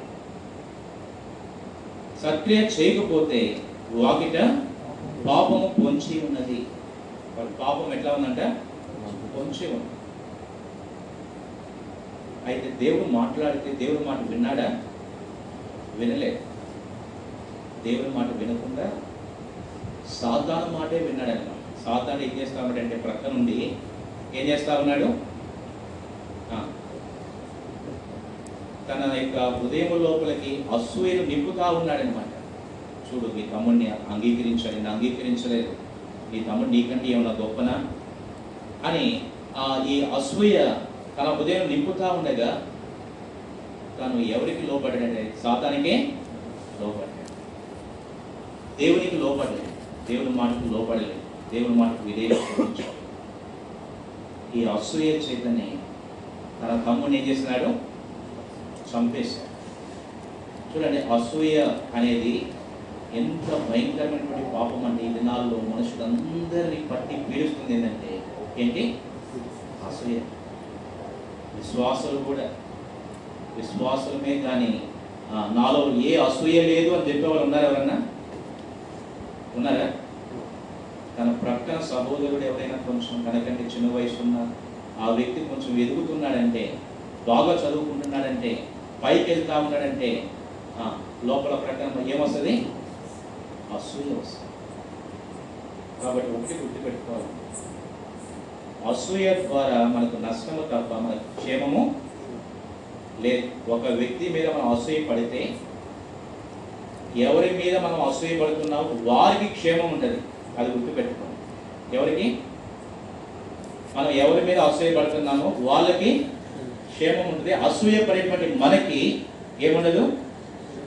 క్షేమం ఉండదు నెమ్మది ఉండదు మనశ్శాంతి ఉండదు. ఎవరి హృదయంలో అసూయ ఉంటుందో వారికి మనశ్శాంతి ఉండదు. వారికి నెమ్మది ఉండదు. వారికి సంతోషం ఉండదు. ఈ అసూయ అనేటువంటి విషము వారి హృదయంలో ఏమైపోతుంది అది ఎక్కువ అది. విషము కంటే కూడా చాలా అది డేంజర్ అనమాట ఏంటి? అసూయ. విషము కంటే చాలా ప్రమాదకరం విషయం తాగితే ఏమైపోతాం? చచ్చిపోతాం. ఈ అసూయ కూడా అట్లాగే మనం నిలిచి ఉంటే ఆ అసూయ మనల్ని ఏం చేస్తుంది? చంపుతుంది. బైబిల్ రాయబడింది అన్నమాట ఎక్కడ ఉంది చెప్తారా? యోగు గ్రంథము ఐదవ అధ్యాయం. చూడండి యోగు గ్రంథము ఐదవ అధ్యాయం.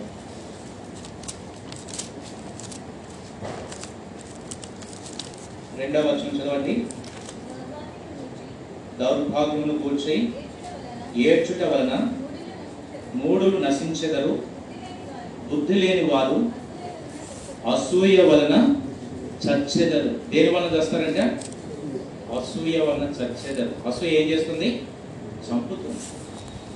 అందుకని అసూయ అనేది చాలా ఆ, కాబట్టి ఇక్కడ కయ్యను అసూయ చేత తన తమ్ముని చంపాడు. తద్వారా తనకి ఏం సంభవించిందంటే తనకు శాపం వచ్చింది. దేవుడు ఏం చేస్తున్నాడు? కయ్యను శపించాడు. నీవు శపించబడిన వాడవు అన్నాడు దేవుడు అంతే. దేవుడు కయ్యను శపించాడు. ఆదాం పాపం చేశాడు. అయితే దేవుడు ఆదాంను శపించలేదు.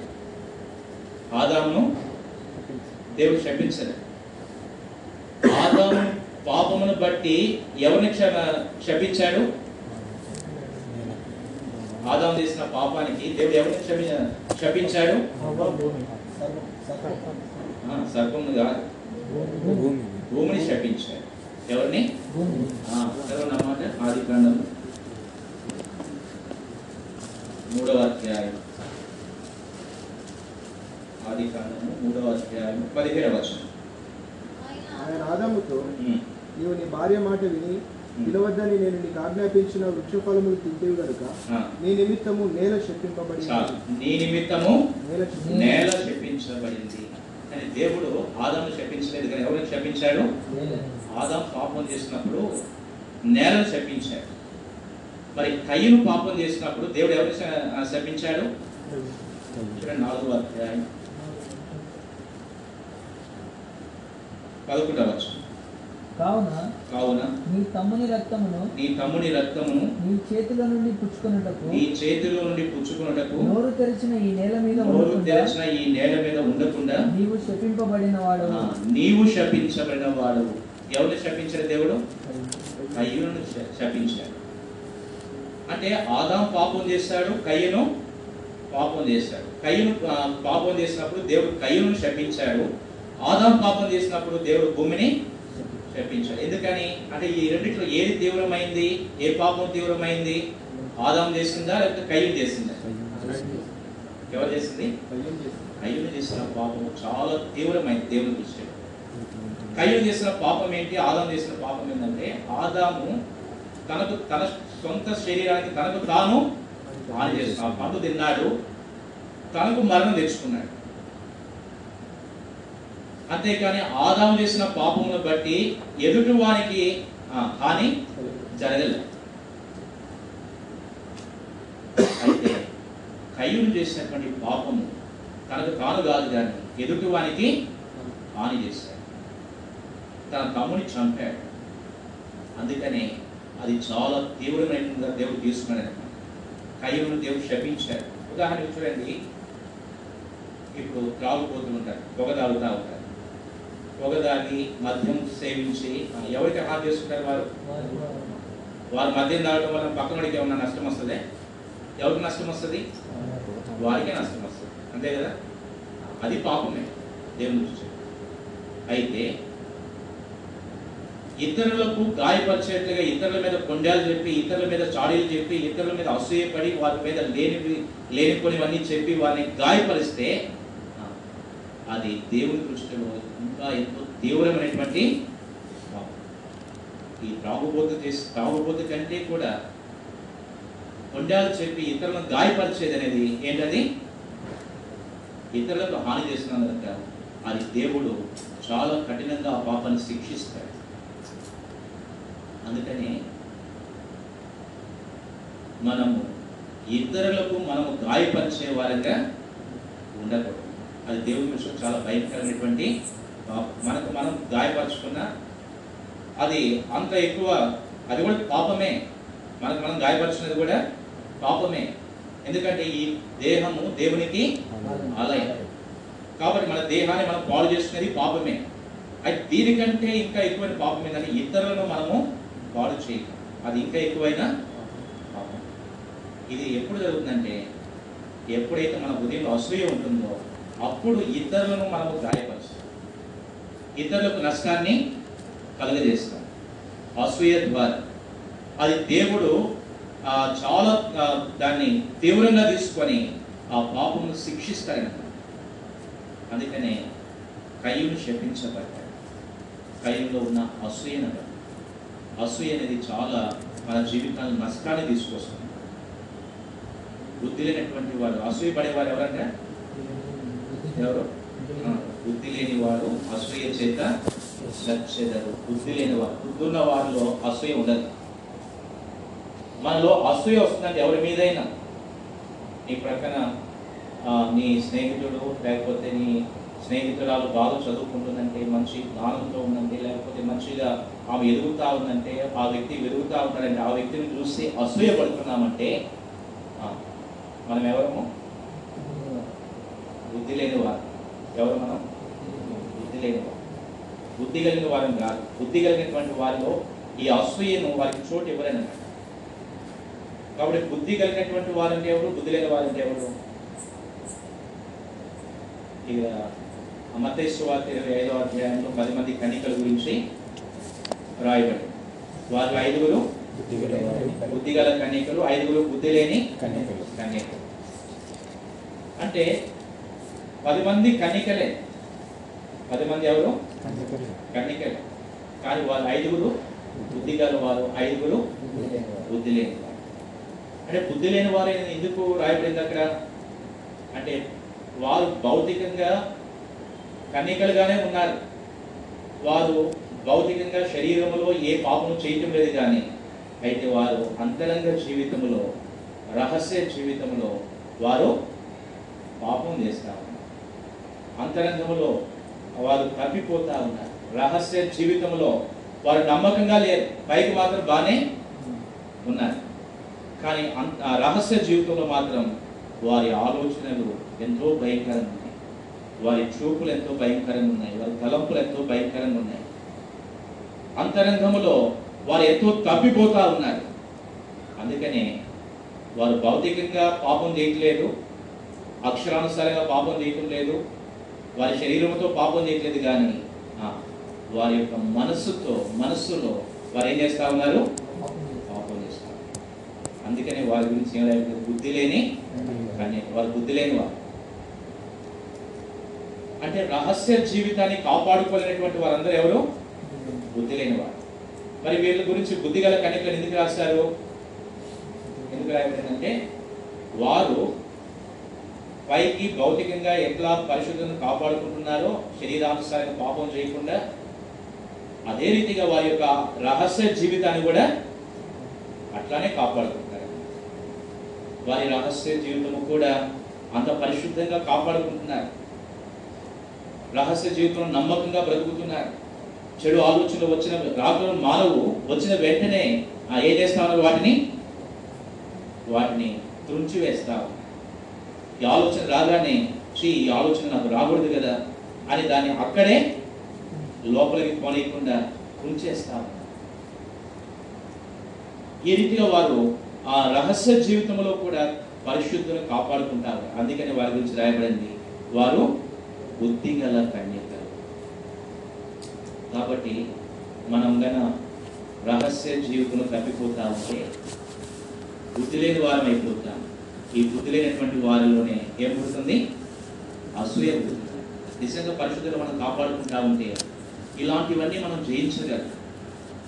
ఈ తలంపుల్ని మనం జయిస్తూ ఉంటే తర్వాత మన ఉదయంలోకి ప్రవేశించేటువంటి అసూయ ద్వేషము ఇవన్నీ కూడా మనం జయించడానికి వీలవుతుంది. కాబట్టి మనము బుద్ధి గలవారంగా ఉండాలి. మన రహస్య జీవితాన్ని చాలా భద్రంగా కాపాడుకోవాలి.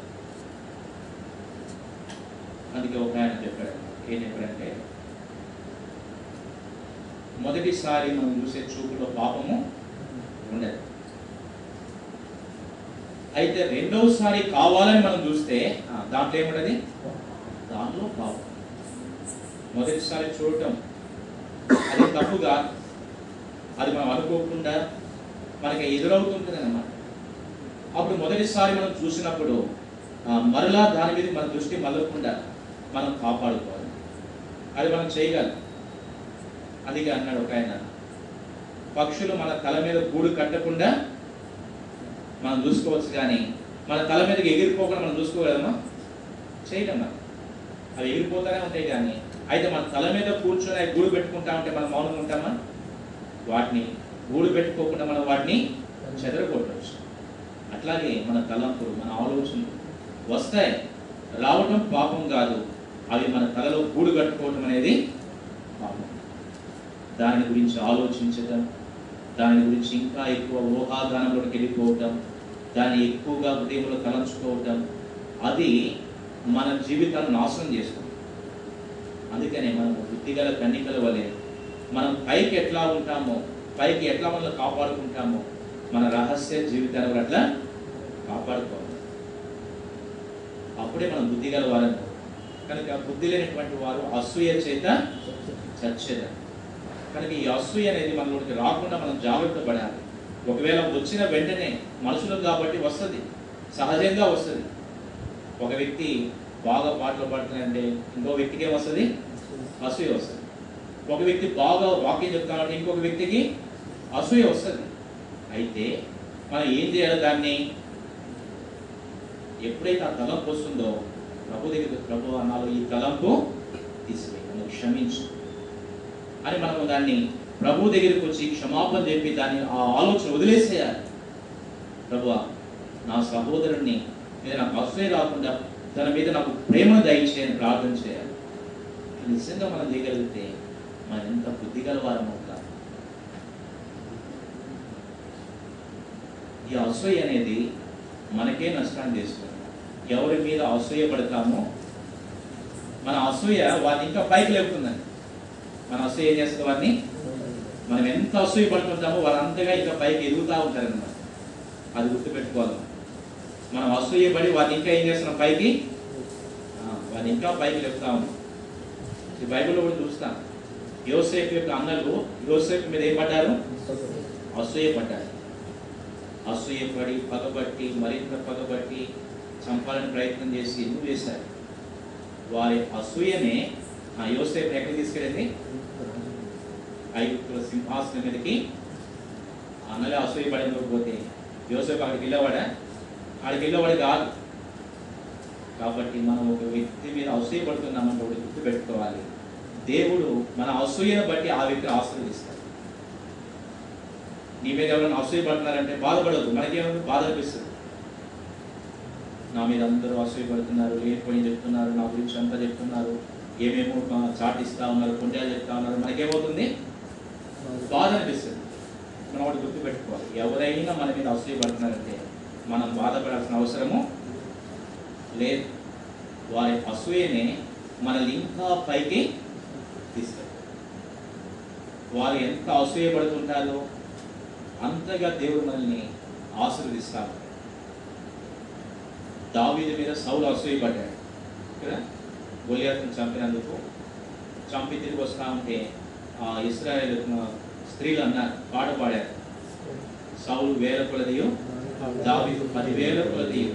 శత్రువును హతం చేశారని పాడుతూ ఉంటే సౌలుకి దావీదు మీద ఏమొచ్చేసింది అసూయ వచ్చేసింది అని దావీదు నాకంటే గణపరుస్తారా? అనే అసూయతో దావీదును చంపడానికి ప్రయత్నం చేస్తారు ఈ సౌలు యొక్క అసూయనే దావీదుని ఏం చేశాడు దేవుడు? ఆశ్రయించి సింహాసనం మీద తీసుకొచ్చాడు. అంటే బైబిల్లో మనం అదే చూస్తాం. లోకంలో కూడా అదే కనబడుతుంది.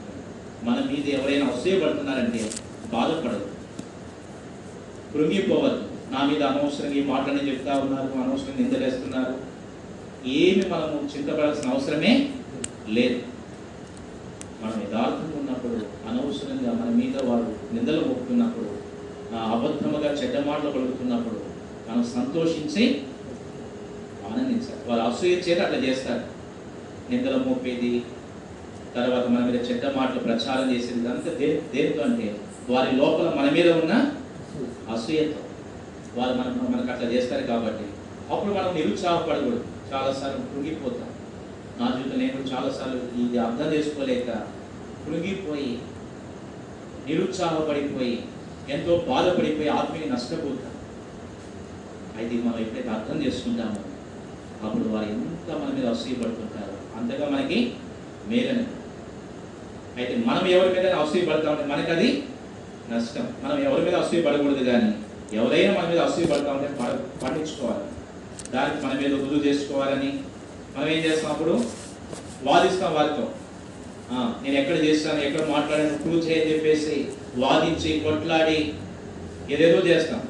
అదంతా చేయాల్సిన అవసరమే లేదు. నీ ఇష్టం చెప్పుకోబో నా గురించి ఎన్ని చెప్పుకున్నా చెప్పుకో.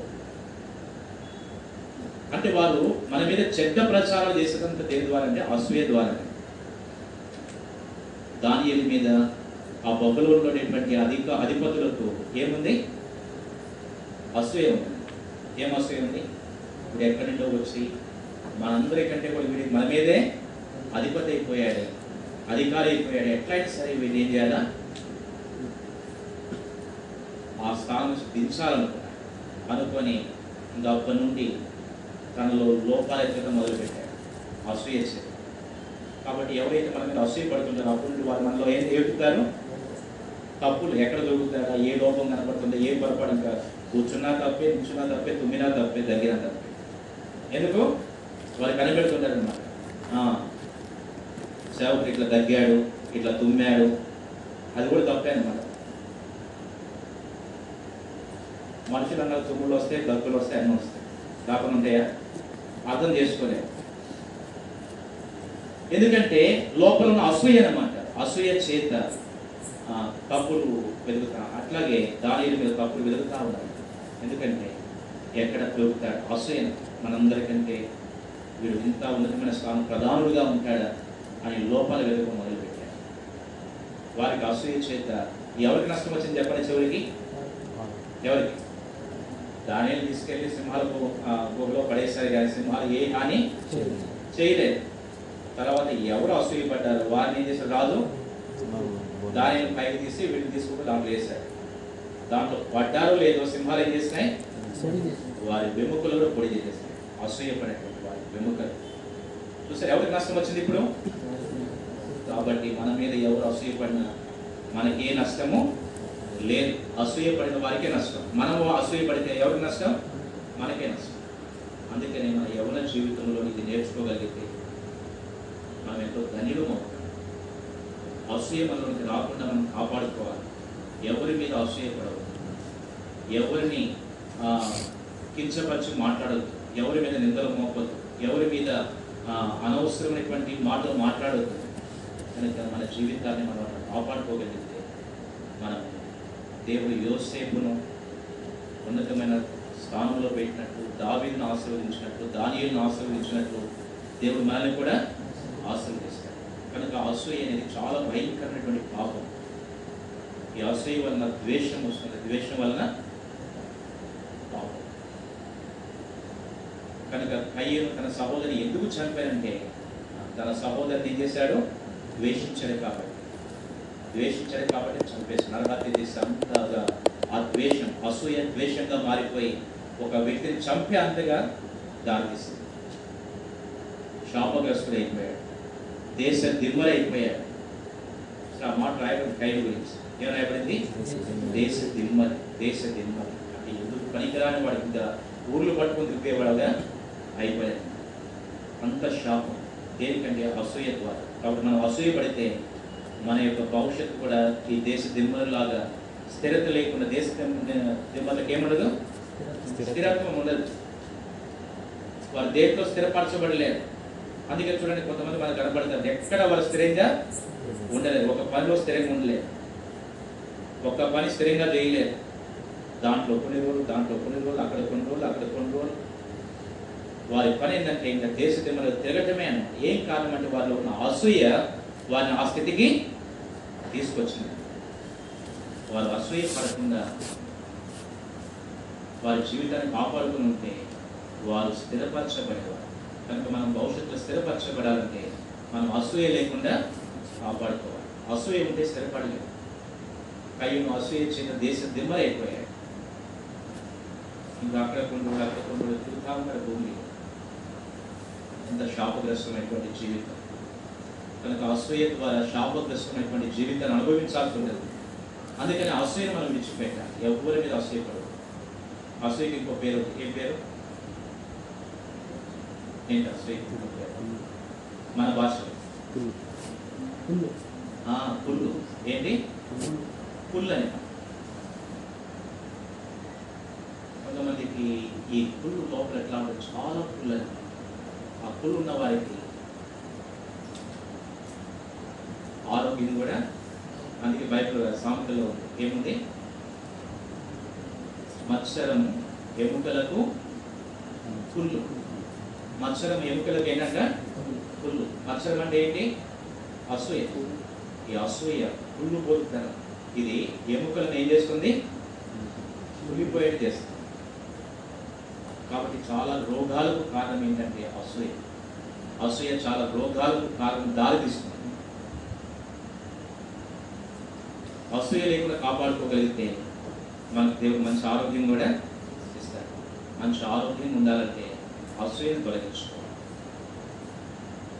ఈ మధ్య ఒక సిస్టర్ ఆమెకి ఎంత అసూయందో తెలియదు కానీ ఒకరి మీద పెట్టుకుంది పెట్టుకుంది పెట్టుకుంది పెట్టుకుంది అసూయ పెట్టుకుంది. నెమ్మది లేకుండా కుటుంబంలో భర్తతో సమాధానం లేకుండా నెమ్మది లేకుండా. చూసారా? వేరే వారి మీద అసూయ పెట్టుకుంది. ఎవరికి నష్టం ఇప్పుడు కుటుంబంలో నష్టం వచ్చింది. భార్య భర్తల మధ్య సమాధానం లేదు నెమ్మది లేదు. ప్రతి దానికి చిరాకు పడుతున్నాం. ఎందుకంటే లోపల అసూయ మోస్తా ఉంది. అసూయ మోస్తా ఉంది కాబట్టి ఆమెకి ఇంకా రెస్ట్లెస్ అనమాట నెమ్మదే లేదు. నెమ్మది లేక ఇంకా ఏం చేస్తుంది నెమ్మది లేకపోతే భర్తతో కొట్లాడుకుంటుంది కనబడిన వాళ్ళందరితో కొట్లాడు అలాంటి వాళ్ళు మెంటల్గా కూడా వారు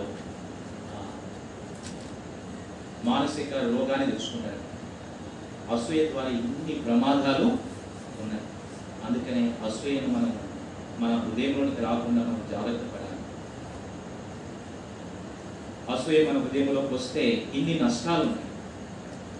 కాబట్టి ఎవరి కాలంలో మనం తీర్మానం చేసుకుంటాం ప్రభు నేను ఎవరి మీద అసూయపడ ఒకవేళ ఎవరి మీద అసూయ ఉంటే ఆ ప్రభు దగ్గరికి వచ్చి ప్రభు నాకు తెలియక అసూయ వల్ల ఇంత నష్టం అని తెలియక అసూయపడ్డాను ఇప్పుడు నేను అసూయను తొలగించుకుంటున్నాను ప్రభు. అసూయ నాకు రాకుండా నేను జాగ్రత్త పడతాను ప్రభు. ఎవరైనా నా సహోదరులు నాకంటే చిన్న వయసు ఉన్నా పెద్ద వయసు ఉన్నా వారు నాకంటే పైకి ఎదుగుతుంటే వారిని చూసి నేను సంతోషిస్తాను ప్రభు. నిజంగా సంతోషించగలమా? ఆ స్థితికి రావాలి. నిజంగా సంతోషించాలి. ఏదో పై పైకి కాదు. లోపల ఉండదు కానీ పైకి మాత్రం సంతోషం ఉన్నట్టుంటే అది కష్టమే. హృదయంలో హృదయపూర్వకంగా నిజంగా నా సహోదరుడు దేవుడు నా సహోదరుని ఆశీర్వదిస్తున్నాడు అని సంతోషించగలిగితే దేవుడు నిన్ను కూడా ఆశీర్దిస్తాడు అసూయపడితే తను ఆశీర్వదిస్తాడు కానీ నిన్ను దేవుడు ఆశీర్వదించాడు. ఆ అసూయనే ఆశీర్వాదం పొందకుండా అడ్డుకుంటాను కాబట్టి మనం తీర్మానం చేసుకోవాలి. ఎక్కువ అవసరం లేదు ఈ తలంపులు చాలు దేవుడికి మనం ఈ తలంపులతో ప్రభు దగ్గరికి వచ్చి ప్రభు నా జీవిత కాలం అంతా నేను నా హృదయంలో అసూయ ప్రవేశించకుండా నేను కాపాడుకుంటాను ప్రభు. అసూయ ద్వారా నాకే నష్టమని నాకు ఇప్పుడు అర్థమైంది. కనుక నేను అసూయ పడిన ఎవరి మీద ఉన్న అసూయ కూడా తొలగించుకుంటున్నా. నా సహోదరులను బట్టి నేను సంతోషిస్తాను. అని మనం తీర్మానం చేసుకొని ఇక్కడి నుంచి మనం వెళ్దాం. అది అభ్యాసం చేసుకోండి మీ జీవితంలో. తర్వాత మీ భవిష్యత్తు ఎంత ఆశీర్వాదకరంగా ఆ తర్వాత మీకే అర్థమవుతుంది. ప్రార్థన చేసుకున్నాను దేవుడు నమ్ముకోలేదు అయితే మా మేనత్త అంటే కదిరిలో జాన్పాల్ అంకుల్ ఉన్నారు. వారి భార్య సమాధానం మార్చి ఆమె మాకు మేనత్త అవుతారు. మా నాన్న అక్క ఆమె. వారు దేవుడు నమ్ముకున్నారు. అయితే మా ఇంట్లో ఎవరు కూడా దేవుని విశ్వసించలేదు మొట్టమొదటి మా నాన్న చాలా విగ్రహారాధన చేసేటటువంటి కుటుంబం. చాలా మంది సాక్ష్యాల్లో చెప్పేటటువంటి సంగతి కామన్గా మనం చూస్తూ. ఉంటాం మా ఇంట్లో కూడా అలాంటి పరిస్థితి ఒకటి ఎక్కువగా మా ఇంట్లో అనేకమైనటువంటి ఫోటోలు చాలా అనేది ఉంటా ఉంటాయి ఆయా స్థలాలు జాగ్రత్త స్థలాలు కూడా టూర్లు వెళ్ళేవాళ్ళు. నేను చిన్నగా ఉన్న సమయంలో. కూడా. మొట్టమొదటిగా ఇంతకుముందు చాలా కాలం పిల్లలు లేని లేదు మా అమ్మ నాన్నకి నాకంటే ముందు ఒకరు ఇద్దరు చనిపోయినారు. అయితే అప్పుడు ఏం చేస్తా వచ్చినారంటే నెల్లూరు జిల్లాలో పెంచలకోన అని ఒక స్థలం ఉంది. అక్కడికి వెళ్తే ఒక గోవును వదిలితే అంటే ఆవును వదిలితే పిల్లలు అవుతారని అక్కడ వదిలారు. తర్వాత నేను పుట్టినాను. అందుకని నా పేరు నరసింహులు అని పెడతా వచ్చినాను ఆ తర్వాత ఏమైతే వచ్చిందంటే నేను అలాగే పెరుగుతూ వచ్చినాను మా ఇంట్లో కూడా. కొంతకాలానికి అంటే నాకు ఒక నేను ఒక నాలుగవ తరగతి అంటే ఫోర్త్ క్లాస్ అట్లా వచ్చేటప్పటికి మా ఇంట్లో మా పిన్నమ్మను దేవుడు రక్షించుకున్నాడు మొట్టమొదటిగా నేను అనుకుంటాను ఎలాగా నేను దేవుని ఏర్పాట్లోకి వచ్చాను అంటే నేను పుట్టిన తర్వాత ఒక ఒక సంవత్సరం ఒకటిన్నర సంవత్సరం వయసు ఉన్నప్పుడు మా ఇంటి పక్కన దేవుని నమ్ముకున్నటువంటి ఒక విశ్వాసరాలు ఉండేది. ఆమె నేను చిన్నగా ఉండి అట్లా చిన్నగా నడక వచ్చిన తర్వాత ఆమె వాళ్ళ ఇంటి దగ్గరకు వెళ్తా వచ్చినప్పుడు ఆమె నన్ను తీసుకొని మా ఇంట్లో చెప్పకుండా మందిరానికి తీసుకోకపోయింది మందిరానికి తీసుకొని పోయింది. తర్వాత మా నాన్న అంతా ఎదికినాడు. చివరిగా ఆమె ఇంటికి వచ్చినప్పుడు తర్వాత నన్ను తీసుకున్నారంట. ఆమె ఏదో అరవడం చెప్ప చెప్పి తీసుకోపోవచ్చు కదా అని అలా చెప్తావచ్చు నేను అనుకుంటున్నాను ఆ వయసులో నాకు ఊహ కూడా తెలిసింది. సంవత్సరం సంవత్సరంన్నర వయసులో. మరి దేవుని ఇంటికి నేను అలా తీసుకొని పోబడతా వచ్చినాను అప్పుడేం బహుశా దేవుడు అంటే ఏర్పరచుకున్నాడేమో దేవుడి ఏర్పాటులో అనేసి నాకు అనిపిస్తుంది. తర్వాత మా ఇంట్లో మా పిన్ని రక్షింపబడతా వచ్చినారు. అప్పుడు ముదిగుపలో గిరిజంలో దేవసేవకులు ప్రభాకర్ అంకుల్ గారు మరి అక్కడ సేవ చేస్తా ఉన్నారు.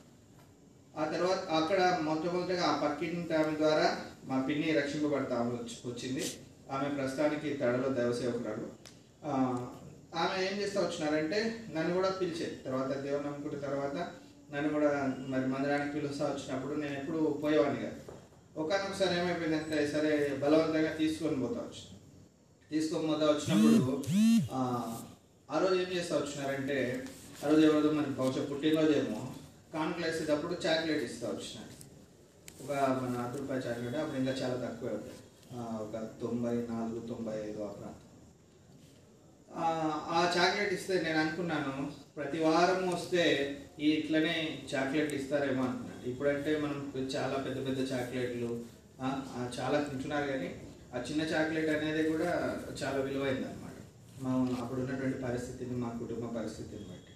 సరే ప్రతి వారం వస్తే ఇట్లనే ఒక చాక్లెట్ ఇస్తారేమో అనే ఉద్దేశంతో ఆ అప్పటి నుంచి కూడా నేను ఆదివారం మందిరానికి రావడం ప్రారంభించాను అనమాట చూడండి ఎంత అంటే నవ్వుకున్న విషయం కదా చాక్లెట్ కోసం మందిరానికి అనుకుంటాడు ఆ చాక్లెట్ మరి దేవుడు ఆ చాక్లెట్ ద్వారా నన్ను తీసుకొని పోయాడు సరే అప్పటి నుంచి ఆ, రెగ్యులర్గా మందిరానికి వెళ్తూ వచ్చినాను. ఉదయకాలం పోయి మరి మామూలుగా మందిరం సిద్ధపరచడం మందిరం సిద్ధపరిచి అక్కడ తర్వాత రావడం సండే స్కూల్కి వెళ్తా వచ్చినాం. సండే స్కూల్లో కూడా ఆత్మీయంగా పెంచుతూ వచ్చినాను.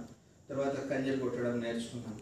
తర్వాత ఒక దాదాపు ఒక సెవెంత్ క్లాస్ అయిపోయేంత వరకు కూడా సెవెంత్ క్లాస్ అయిపోయేంత వరకు కూడా అంతకుముందు తెలియకుండానే మామూలుగా ఈ ఆర్ఎస్ఎస్ ఉన్నారు కదా? ఆర్ఎస్ఎస్. వాళ్ళకి ఉద్దేశాలు అవి తెలియవు కానీ మా ఫ్రెండ్ వాళ్ళ నాన్న ముదుగులో ఆర్ఎస్ఎస్కి పెద్ద అంతకుముందు ఏం చేసి వచ్చినంటే ఆర్ఎస్ఎస్లో వాళ్ళు మామూలు ఉదయకాలం లేపి తీసుకొని పోయి ఎక్సర్సైజ్ అవి చేయించి మామూలుగా ఈ దేశభక్తి గేయాలు పలికించడం కొన్ని శ్లోకాలు పలికి ఇలాగ చేస్తారు అది తెలియదు కానీ వాళ్ళతో పాటు పోతా ఉంటాయి అలాగే పోతా ఉన్నాను. తర్వాత అదే సమయంలో మరి మందిరానికి కూడా రావడం స్టార్ట్ అయింది. మందిరానికి వస్తా వచ్చినప్పుడు ఆ విషయం వాళ్ళకి తెలుసు కానీ ఎప్పుడైతే ఆటంకం చేయలే. ఎందుకంటే వాళ్ళు మా నాన్న మా ఫ్రెండ్ వాళ్ళ నాన్న కాబట్టి వాళ్ళు ఏం ఆటంకం చేయలే. అయితే తర్వాత కొంతకాలానికి ఆర్ఎస్ఎస్ అనే దాంట్లోకి వెళ్ళాలి. తర్వాత మానేస్తా వచ్చింది. అట్లా వెళ్ళడం స్టార్ట్ అవుతా వచ్చింది. మన సండే స్కూల్ మరి పాటలు నేర్చుకోవడం కంజర్ నేర్చుకోవడం తర్వాత ఇలాగా రెఫరెన్స్లు కూడా చదవడం. అప్పుడు సెవెంత్ క్లాస్ అయినప్పటికీ కూడా బైబిల్ బాగా ఆ, సేవకులు మరి రెఫరెన్స్ చెప్పినప్పుడు మొట్టమొదటిగా తీసి చదివేవారు అప్పటికి. ఆ తీసి చదువుతా ఉంటే మిగతా అందరికంటే కూడా త్వర త్వరగా తీయాలనేసి తీసి చదువుతాం. సరే సెవెంత్ క్లాస్ అయిపోయిన తర్వాత మా పిన్ని వాళ్ళకి పెళ్ళి అయిపోయింది. మా పిన్నికి మా అక్కకు. మరి వాళ్ళందరికీ నైంటీ ఎయిట్ నైంటీ ఎయిట్ మేలో పెళ్ళి అవుతా వచ్చింది. వాళ్ళు వెళ్ళిపోయిన తర్వాత తర్వాత అక్కడికి అప్పుడు ఉన్నటువంటి ప్రభాకర్ అంకుల్ ట్రాన్స్ఫర్ అయిపోతా వచ్చినారు. ట్రాన్స్ఫర్ అయిన తర్వాత కొత్త సేవకుడు వస్తూ వచ్చాడు దాని అంకుల్ వాళ్ళు వస్తూ వచ్చారు వచ్చిన తర్వాత ఏమవుతా వచ్చిందంటే కొంత ఒక రెండు మూడు వారాలు గడిచిన తర్వాత ఈ బైబిల్ రెఫరెన్స్ చెప్పినప్పుడు చదివేవారు. అందరికంటే ముందుగా తీసి చదువుతా ఉంటే అంకులు వచ్చేసి చిన్నపిల్లలకు రక్షణ ఉండదు. కాబట్టి బైబిల్ చదవకూడదు మామూలుగా అంటే మనకి అంత అర్థం కాలేదన్నమాట. మళ్ళా రెఫరెన్స్ చెప్పి మళ్ళా చదువుతా వచ్చిన అంకుల్ తిరిగి మనం చదివినప్పుడు తిరిగి పలుకుతారు కదా అంటే రిప్లై చెప్తారు కదా అది చెప్పలేదన్నమాట. చెప్పుకోకుండా ఒకే సైలెంట్ అవుతాడు అయిపోయేటప్పటికి అది నాకు కొంత బాధ అనిపించింది. సరే బాధ అనిపించేసి ఇంకా అప్పటి నుంచి నెక్స్ట్ వీక్ నుంచి ఇంకా మందిరానికి పోను. ఎందుకంటే ఇట్లా నేను చదువుతుంటే వద్దన్నారు కదా నెక్స్ట్ ఒక ఉద్దేశంతో ఇప్పుడు చిన్న వయసు. ఇక ఇంట్లో తిరిగి పిలవడానికి కూడా ఇంకా మా పిన్ని లేదు. ఇక అప్పుడు ప్రభాకరం వాళ్ళు ఉంటే ఎప్పుడైనా ఒక ఆదివారం రాకపోతే ఎక్కడో చోటి సువార్తకు అంతా పోతా వచ్చినప్పుడు వాళ్ళు వచ్చి పిలిచేవాళ్ళు. ఇప్పుడు ఎవరు పిలిచేవాళ్ళు లేరు ఎవరు లేరు. సో ఇప్పుడు ఏమైపోయిందంటే చిన్నగా అప్పటి నుంచి ఇంకా అట్లా నేను చదవద్దన్నారు కదా అనేటటువంటి ఒక ఉద్దేశంతో ఆ ఎయిత్ క్లాస్లో ఉన్నప్పుడు అప్పటి నుంచి కూడా ఇంకా మందిరం మానేసాను మందిరం మానేసాను ఇక తర్వాత మందిరానికి పోలే. మందిరానికి పోలే. ఎక్కడైనా కూడా పొరపాటున ఎప్పుడైనా సందులు మామూలు వీధుల్లో సువార్త చేసినప్పుడు ఒకవేళ మైకింగ్ పడితే ఈ సందులో దారి కాకుండా మరొక వీధిలో వెళ్ళిపోయేవాడు పిలుస్తారేమో అన్న ఉద్దేశం. సరే అట్లా వెళ్ళిపోతా వచ్చినాను. మరి ఎవరు కూడా నన్ను తిరిగి మందిరానికి పిలిచిన వాళ్ళు లేరన్నమాట. అంటే అప్పుడు అక్కడ ఎవరు లేరు కాబట్టి ఇంకా మా పిన్ని లేదు ఎవరు లేరు అనేసి అలాగైపోయింది అట్లా వస్తా వస్తా టెన్త్ అయిపోయింది. టెన్త్ అయిపోయిన తర్వాత ఇంటర్మీడియట్ వేరే కా బయట చేరినాను అక్కడ ఉండలేక మళ్ళీ ముదిగుపకు వచ్చేసాను ముదిగుపకు వచ్చిన తర్వాత ముదిగుపలోనే జాయిన్ అవుదామని చెప్పేసి జాయిన్ అయ్యేటటువంటి సమయంలో అప్పుడు వన్ ఇయర్ వేస్ట్ అయిపోయింది. వన్ ఇయర్ వేస్ట్ అయ్యి తర్వాత మరుసటి సంవత్సరం చేరిన. మరుసటి సంవత్సరం చేరిన తర్వాత ఏం చేస్తా అంటే ఉదయకాలము న్యూస్ పేపర్ వేసాను ఉదయకాలం న్యూస్ పేపర్ వేసి తర్వాత మాకు ఎనిమిది గంటలకు కాలేజ్ ఉంటుంది eight to twelve forty five. ఉదయం ఎనిమిది గంటలకు పేపర్ అయిపోయిన తర్వాత ఇంటికి పోయి మరి ఫ్రెష్ అప్ అయిపోయి తర్వాత కాలేజ్కి వెళ్ళేవారు ఇంటర్మీడియట్. కాలేజ్కి పోయి కాలేజ్ నుంచి పన్నెండు నలభై ఐదుకు కాలేజ్ అయిపోతే ఒంటి గంట నుంచి సినిమా హాల్లో టికెట్లు ఇచ్చేకపోయేవారు సినిమా హాల్లో టికెట్స్ ఇస్తారనమాట ఆ సినిమా హాల్లో టికెట్లు ఇచ్చేకపోయేది పేపర్ వేస్తే నూట యాభై రూపాయలు. ఎంతకి? ఫైవ్కి. నెలకి. ఒక నెలంతా పేపర్ వేస్తే నూట యాభై రూపాయలు. ఒక నెలంతా సినిమా హాల్లో టికెట్ ఇస్తే నూట యాభై రూపాయలు. పన్నెండు నలభై ఐదుకు కాలేజ్ అయిపోగానే కాలేజ్ ఏమో ఊరికి పడమర దిక్కు ఉంటుంది. ఈ సినిమా హాల్ అనేది ఊరికి తూర్పు దిక్కు ఉంటుంది. చెక్ చెక్ చెక్ స్పీడ్గా ఊరుకుంటూ వెళ్ళిపోవాలి. ఒకవేళ లే ఏమైనా కొంచెం క్లాసు పది నిమిషాలు లేట్ అయిపోతే వాళ్ళు అరుస్తారేమో అనేసి. సరే అట్లా వెళ్తా వచ్చినాం. ట్వెల్వ్ ఫార్టీ ఫైవ్ అయిపోతేనే మళ్ళీ సినిమా హాల్లో టికెట్లు ఇవ్వడం మళ్ళీ ఇంటికి రావడం మళ్ళీ సాయంకాలం five thirty six cinema hall పోవడం టికెట్లు ఇవ్వడం మళ్ళా నైట్ నైట్ ఉంటుంది. మళ్ళా టెన్ థర్టీ లెవెన్కి ఇంటికి రావడం మళ్ళీ పొద్దున్నే ఫోర్కి లేసి మళ్ళీ పేపర్ పోవడం మళ్ళీ కాలేజ్ పోవడం ఇట్లా గడుస్తాం ఈ సమయంలో ఏమైతే వచ్చిందంటే చిన్న చిన్నగా లోకంలో స్నేహితులు ఒకరికొకరు తోడవుతూ వచ్చినారు ఎలాంటి స్నేహితులు అంటే మంచి స్నేహితులు. మంచి స్నేహితులు? కాదు చెడు స్నేహితులు. వీళ్ళు కూడా తోడవుతూ వచ్చినారు. అన్ని రకాలుగా కూడా ఈ వ్యసనాలు అనేవి కూడా ఒకటిగా చేరుతూ వచ్చినారు తర్వాత అట్లనే ఇంటర్మీడియట్ ఎప్పుడు ఇంకా మనం చదివేది ఎప్పుడు? కరెక్ట్గా ఒక నెల ముందర పుస్తకం తీశారు. ఒక నెల ముందర పుస్తకం తీసి అప్పుడు ప్రిపరేషన్ టైం ఇస్తారు కాబట్టి అప్పుడు కూర్చొని చదివేది. అప్పుడు కూర్చొని చదివితే ఫిఫ్టీ వన్ పర్సెంట్తో ఒక ఇన్స్టెంట్లో పాస్ అయిపోయాం ఇన్స్టెంట్లో పాస్ అయిపోయినాం సెకండ్ ఇయర్ తర్వాత సెకండ్ ఇయర్ కూడా అయిపోయింది. మళ్ళీ డిగ్రీ జాయిన్ అవుతావచ్చు డిగ్రీ అదే ఊర్లో జాయిన్ అయినా. ఆ డిగ్రీ జాయిన్ అయినప్పుడు ఏమైపోయిందంటే అప్పుడు ఎస్టీడీ ఫోన్లు ఉంటాయి ఐడియా ఉందా? డబ్బులు ఇచ్చి ఫోన్ చేసుకోవచ్చు. ఆ ఎస్టీడీ అనేది శాంక్షన్ అవుతా వచ్చింది అంతకుముందు వన్ ఇయర్ బ్యాక్ అప్లై చేసింటే కరెక్ట్గా ఇంటర్ అయిపోయిన తర్వాత వచ్చింది. ఆ ఎస్టీడీ పెట్టుకున్నాం సరే ఒక సంవత్సరం ఖాళీగా ఉన్నాము ఈ బిజినెస్ చేసుకుందామని అనుకుంటే వేరే అన్న వచ్చేసి మా ఊర్లోనే డిగ్రీ ఉంది.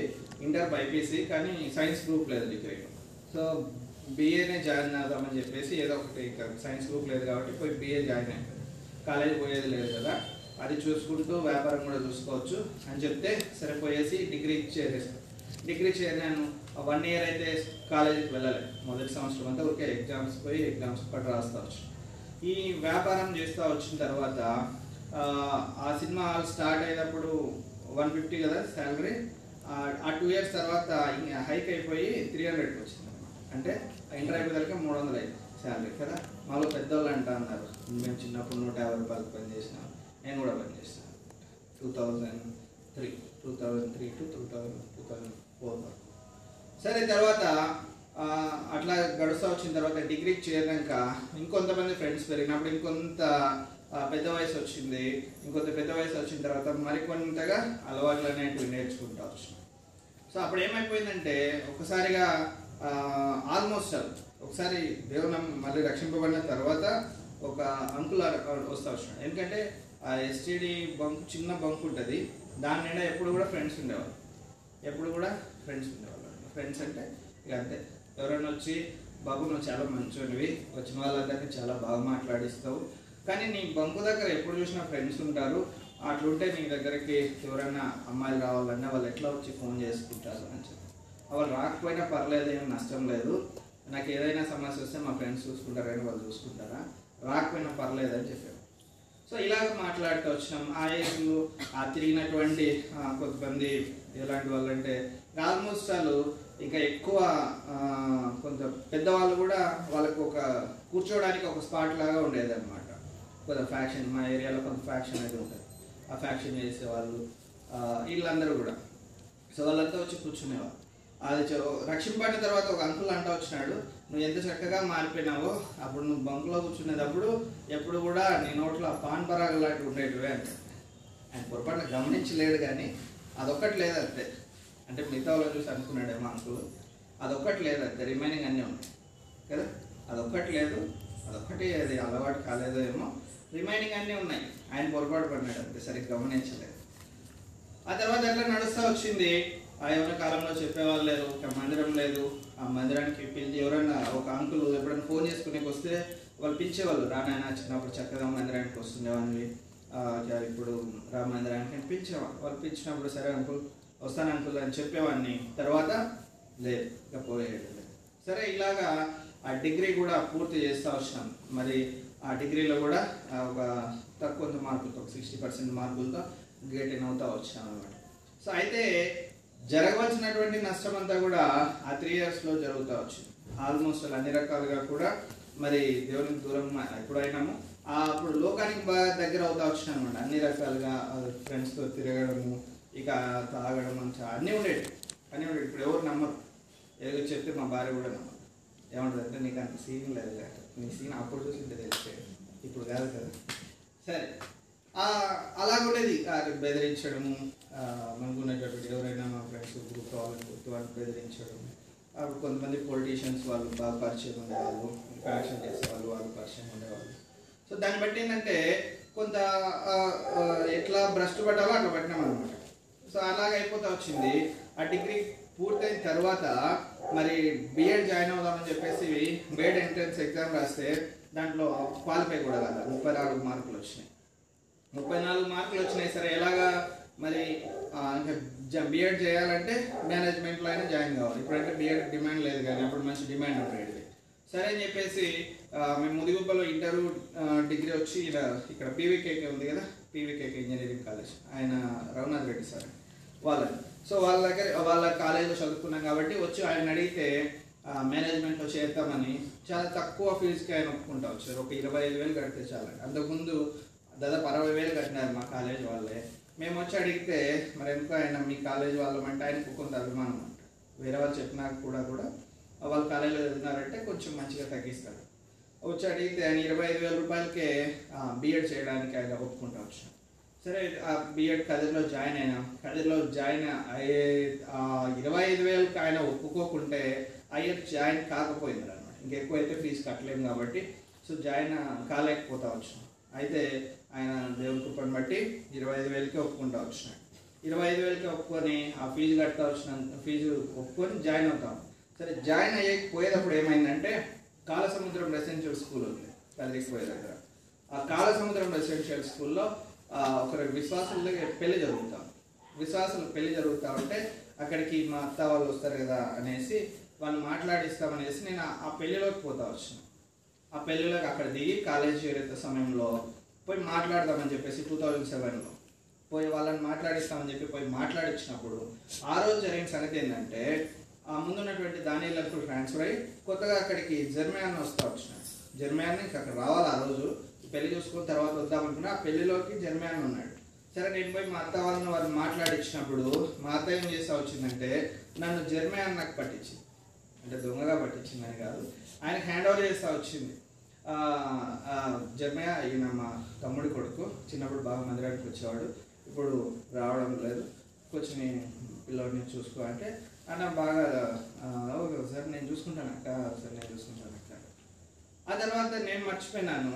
ఒక నెలకు రెండు నెలలకు నా షాప్ దగ్గరకు వచ్చినాడు వచ్చేసి అన్న ప్రజలు అన్న తప్పుడు మందిరానికి రాకుండా సర్లేనా వస్తారు అందరికి చెప్పినట్టు ఈయన కూడా చెప్పినాం. అంత ముందు చెప్పినటువంటి అంకుల్ అయితే జన్మయాన విడిచిపెట్టాలి. రాకపోతే మళ్ళీ వచ్చేవాడు. మళ్ళీ వచ్చేటప్పుడు నాకు రాలేదే అని అడిగేవాడు సరే ఏంటన్నట్టు పోయినా. మందిరానికి పోతా ఆ పోతే ఆ పోయి వెనక కూర్చొని ఆ వెనక నుంచి అట్లా లేచి మళ్ళీ వచ్చేసేవాడు. అంటే ఎవరైనా అడుగుతారేమో అనేసి. ఏమి రోజులు రాలేదే? ఇప్పుడు వచ్చినావే? అని ఎవరైనా అడుగుతారేమో క్వశ్చన్ వేస్తారేమో ఉద్దేశంతో ఆ వెనక కూర్చొని మళ్ళీ అలాగే లేచి వచ్చేవాడు. అన్న విడిచిపెట్టేవాడు కదా మళ్ళీ వచ్చేవాడు. మళ్ళీ వచ్చి ఏం తమ్ముడు? మందిరానికి రాలేదండి అన్న. వచ్చినా అన్న. వెనకలు కూర్చొని అన్న. సరే అట్లా కాదు. నువ్వు నాకు ఖచ్చితంగా కలిసి పోవాలని చెప్పి. సరే కలిసిపోతానులే అని చెప్పేసి జాయిన్ అయితే వచ్చిన ఆ బీఎడ్ జాయిన్ అయినప్పుడు ఏమైపోయిందంటే బీఎడ్ జాయిన్ కావడం అనేది చాలా ఇష్టంతో జాయిన్ అయినా. ఇదే లాస్ట్ ఇక నెక్స్ట్ కాలేజ్ ఉండదు. ఆ ఇంటర్మీడియట్ సరిగ్గా చదవలేదు డిగ్రీకి సరిగ్గా క్లాసులు పోలేదని చాలా ఇష్టపడతా జాయిన్ అయితే వచ్చిన అయితే ఏమైపోయిందంటే జాయిన్ అయిన తర్వాత మా నాన్నగారికి యాక్సిడెంట్ అయిపోయింది. తిరిగి కాలేజ్ పోయే పరిస్థితి లేకోకుండా మళ్ళీ కూడా వ్యాపారం చేసుకునే పరిస్థితి వచ్చింది. సరే అదంతా అయిపోయిన తర్వాత ఏమైపోయిందంటే రెండు వేల ఎనిమిది అప్పటికి మందిరానికి వెళ్తా ఉన్నాను కొద్ది కొద్దిగా. మందిరానికి వీక్ వీక్ ఎప్పుడన్నా ఒకసారి కప్పించు అట్లా వెళ్తా వచ్చాను. అన్న కూడా అప్పుడప్పుడు వచ్చి మమ్మల్ని పరామర్శించేవాడు. తర్వాత రెండు వేల ఏడు November November sixteenth BEd exams రాసాం బీఎడ్ ఎగ్జామ్స్ రాసిన తర్వాత సరే ఎక్కడైనా కోచింగ్ పోవాలా అనే ఉద్దేశంతో కర్నూలు పోతా వచ్చినాం. కర్నూలుకు ఆ- నవంబర్ ట్వంటీ ఫోర్త్ అట్లా కర్నూలు పోయినాం టూ థౌజండ్ ఎయిట్లో. మేము పోయిన తర్వాత డిసెంబర్ సిక్స్త్ నోటిఫికేషన్ వచ్చింది. ఆ నోటిఫికేషన్ అది యాభై వేల పోస్టులు ఇదివరకు ఎప్పుడు ఫిలప్ చేయలేదంట మెగా డిఎస్సి అని చెప్పేసి యాభై వేల పోస్టులతో అప్పుడు తెలంగాణ ఆంధ్ర కలిసి ఉన్నటువంటి సమయం. ఒక నోటిఫికేషన్ వస్తా వచ్చింది. ఆ నోటిఫికేషన్ వచ్చినప్పుడు వెంటనే అక్కడే కర్నూలులో అప్లై చేసాం సరే కర్నూలు కర్నూలులో కోచింగ్లో ఉన్నాం. అక్కడ నుంచి తిరిగి వచ్చినాం అనమాట వచ్చి అప్లై చేసినాం. అప్లై చేసి మామూలుగా ఎప్పుడు కూడా ఇక్కడ ఆర్ట్స్ అదే జూనియర్ కాలేజ్ జూనియర్ కాలేజీలో ఎక్కువ రష్ ఉంటుంది. ఎక్కువ రష్ ఉండి పొద్దున్నే వస్తే సాయంత్రం అవుతుంది అని చెప్తా ఉన్నాం. సరే ఏం చేసామంటే ఒక సాటర్డే ఫ్రైడే ఏమో వచ్చినాము. సాటర్డే అప్లై చేసి అటు నుంచి ఇక్కడనే కర్నూలు పోవాలనేసి అనుకున్నాం. అనుకున్న తర్వాత సరే అని చెప్పేసి ఆ రోజు ఏమైందంటే ఇది అమావాస్య అంటారు కదా? అమావాస్య. అమావాస్య ఎవరు కూడా అప్లై చేసేది రాలా. వాళ్ళ కొందరు సెంటిమెంట్స్ ఉంటాయి కదా అన్ని వాళ్ళు వాళ్ళు ఎవరు వచ్చిందిలే మేమే ఫస్ట్ సరే అప్లై చేసినాం. అప్లై చేసి వెళ్ళిపోయినాం. వెళ్ళిపోయిన తర్వాత ఏమైపోయిందంటే జనవరిలో టూ థౌజండ్ నైన్ జనవరిలో మా నాన్నకి పెరాలసిస్ వస్తా వచ్చింది. పెరాలసిస్ వచ్చి ఇక్కడ నుంచి కర్నూలుకే తీసుకొచ్చినారు. ఇక్కడ కర్నూలుకే తీసుకోకూడదంటే తీసుకొచ్చి ఆ, దాదాపు అప్పుడు కోచింగ్ కూడా అయిపోవచ్చింది. అక్కడ హాస్పిటల్లో జాయిన్ చేసినాం అక్కడ కొంతకాలం చూపించిన తర్వాత మళ్ళీ తిరిగి ఇంటికి వచ్చినాం. ఇంటికి వచ్చిన తర్వాత నేను కూడా కోచింగ్ అయిపోవచ్చిందని చెప్పేసి అక్కడ నుంచి తిరిగి ఇంటికి వచ్చినాను ఇక్కడ ఒక రూమ్ తీసుకొని చదువుకుంటా వచ్చినాను అప్పుడు మే నైన్త్ ఎగ్జామ్ వాళ్ళు ఇచ్చినటువంటి డేట్. ఏది? నోటిఫికేషన్ వచ్చినప్పుడు కాకపోతే అప్పుడు ఏమైపోయిందంటే ఎలక్షన్స్ వచ్చినాయి. మేలో ఎలక్షన్స్ రావడం చేత ఏం చేశానంటే ఈ డిఎస్సిని పోస్ట్ పోన్ చేసి మే థర్టీ ఎయిత్కి ఎగ్జామ్ పెట్టారు. అప్పటికి ఇంకొంత సమయం దొరికింది చదువుకోవడానికి. బిఎడ్ టీటీసీ హెచ్జిటి రాసే వాళ్ళకు అంటే సెకండరీ గ్రేడ్ టీచర్ రాసే వాళ్ళకు సిలబస్ వచ్చి డైట్ సిలబస్ ఉంటుంది. టీటీసీ అంటారు కదా. టీటీసీ సిలబస్ ఉంటుంది. మేము బీఎడ్ చేసినాం కాబట్టి ఈ సైకాలజీ మెథడ్స్ ఇవన్నీ కూడా డిఫరెంట్ బీఎడ్ సైకాలజీ వేరు ఉంటుంది ఆ టీటీసీ సైకాలజీ వేరు ఉంటుంది. దీంట్లో మెథడ్స్ వేరు ఉంటాయి దాంట్లో మెథడ్స్ వేరు ఉంటాయి. ఇంకొంత సమయం దొరకడం వల్ల చదువుకోవడానికి కూడా సమయం దొరుకుతుంది. మా నాన్న పెరాలసిస్తూ మంచంలో ఉన్నాడు. మరి ఆయన తీసుకొని పోవడం చూపించడం తర్వాత తీసుకొని రావడం చదువుకోవడం ఇట్లా చేస్తూ వచ్చినాం. అప్పుడు చదువుకోవడంలో అంటే ఆ, అంటే డూ ఆర్ డై అంతే. ఇక ఖచ్చితంగా జాబ్ అన్నా రావాలి. ఇక లేకపోతే వేరే. ఎందుకంటే అప్పటికి కొంత నాన్న హెల్త్ బాగాలేక తర్వాత బిజినెస్ ఏం లేదు. అప్పులు అవుతా వచ్చినాయి. ఇక ఎట్లా అంటే ఇక అంతే. డూ ఆర్ డై అనే పరిస్థితి. సో ఎట్లా ఉదయం ఏడు లేస్తే రాత్రి రెండున్నర అయ్యాయి చదివితా చదువుతా చదువుతా. ఆ రెండున్నరకి అయినాక ఏమైపోతుందంటే ఇంకెక్కదు రెండున్నర అనేది డెడ్ లైన్ అన్నట్టు. రెండున్నర తర్వాత ఇంక చదివేది ఎక్కదు. ఇంకంతే ఎంతసేపు చూస్తానే అక్షరాలు తిరుగుతూ ఉంటాయి కానీ ఇంకెక్కదు నిద్ర. సరే ఇక అప్పుడు కొడుకుని ఒక్కొక్కసారి ఫోర్ కూడా మామూలుగా ఇట్లా ఎవరైనా కాంపిటేటివ్ ఎగ్జామ్స్కి ప్రిపేర్ అయ్యే వాళ్ళకి ఏంటంటే ఒక టైం ఇంట్లో ఇన్ని గంటలు చదవాలా ఇన్ని గంటలు చదవాలా అని ఉంటుంది అన్నమాట. రోజు పది గంటలు చదివితే మంచిది పన్నెండు చదివితే. మేము పోటీ పెట్టుకుని రోజు పదహారు గంటలు కూడా చదివినాం. ఇంకేం పని ఒకరోజు మాత్రం పదహారు గంటలు చదివినాం. టైం పెట్టుకొని ఆ బ్రేక్లు అన్నీ తీసేసి కూడా పదహారు గంటలు చదివినాం. సరే చదివినాం చదివిన తర్వాత మే థర్టీ ఎత్ ఇక్కడ ఎగ్జామ్ పెడతా వచ్చాను గిల్డ్ ఆఫ్ సర్వీస్లో సెంటర్ పెడతా వచ్చింది. ముందు రోజే నైట్ ఇక్కడ వచ్చి పడుతున్నాయి తర్వాత ఉదయం లేసి ఎగ్జామ్ రాస్తా ఎగ్జామ్ రాసి రిజల్ట్ వచ్చింది.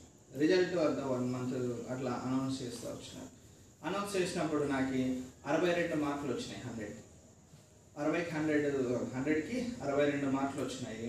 అరవై రెండు వచ్చినప్పుడు ఏమైపోయిందంటే నాతోటి మా స్నేహితులు కూడా దాదాపు ఒక ఏడు ఎనిమిది మంది పాత స్నేహితులు కాదు కానీ ఆ తర్వాత చదివేవాళ్ళు మా రూమ్లో కూడా చదువుకున్న వాళ్ళు. ఆల్మోస్ట్ వాళ్ళందరికీ కూడా తక్కువ.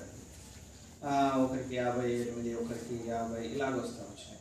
ఆ కీ చూసుకున్నప్పుడు ఇంటికి వచ్చి కీ చూసుకుంటే నాకు అరవై రెండు ఉన్నాయి. అంటే కీ ఇస్తారు కదా ఆ కీ వదిలిన తర్వాత చెక్ చేసుకుంటే అరవై రెండు ఉన్నాయి. మా ఫ్రెండ్ యాభై ఎనిమిది వస్తాయన్నాడు.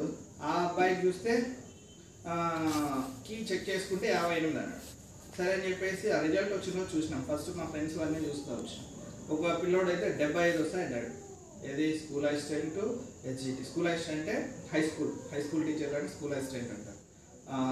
ఎలిమెంటరీ స్కూల్ టీచర్లని ఎస్జిటి సెకండరీ గ్రేడ్ టీచర్స్ అంటారు.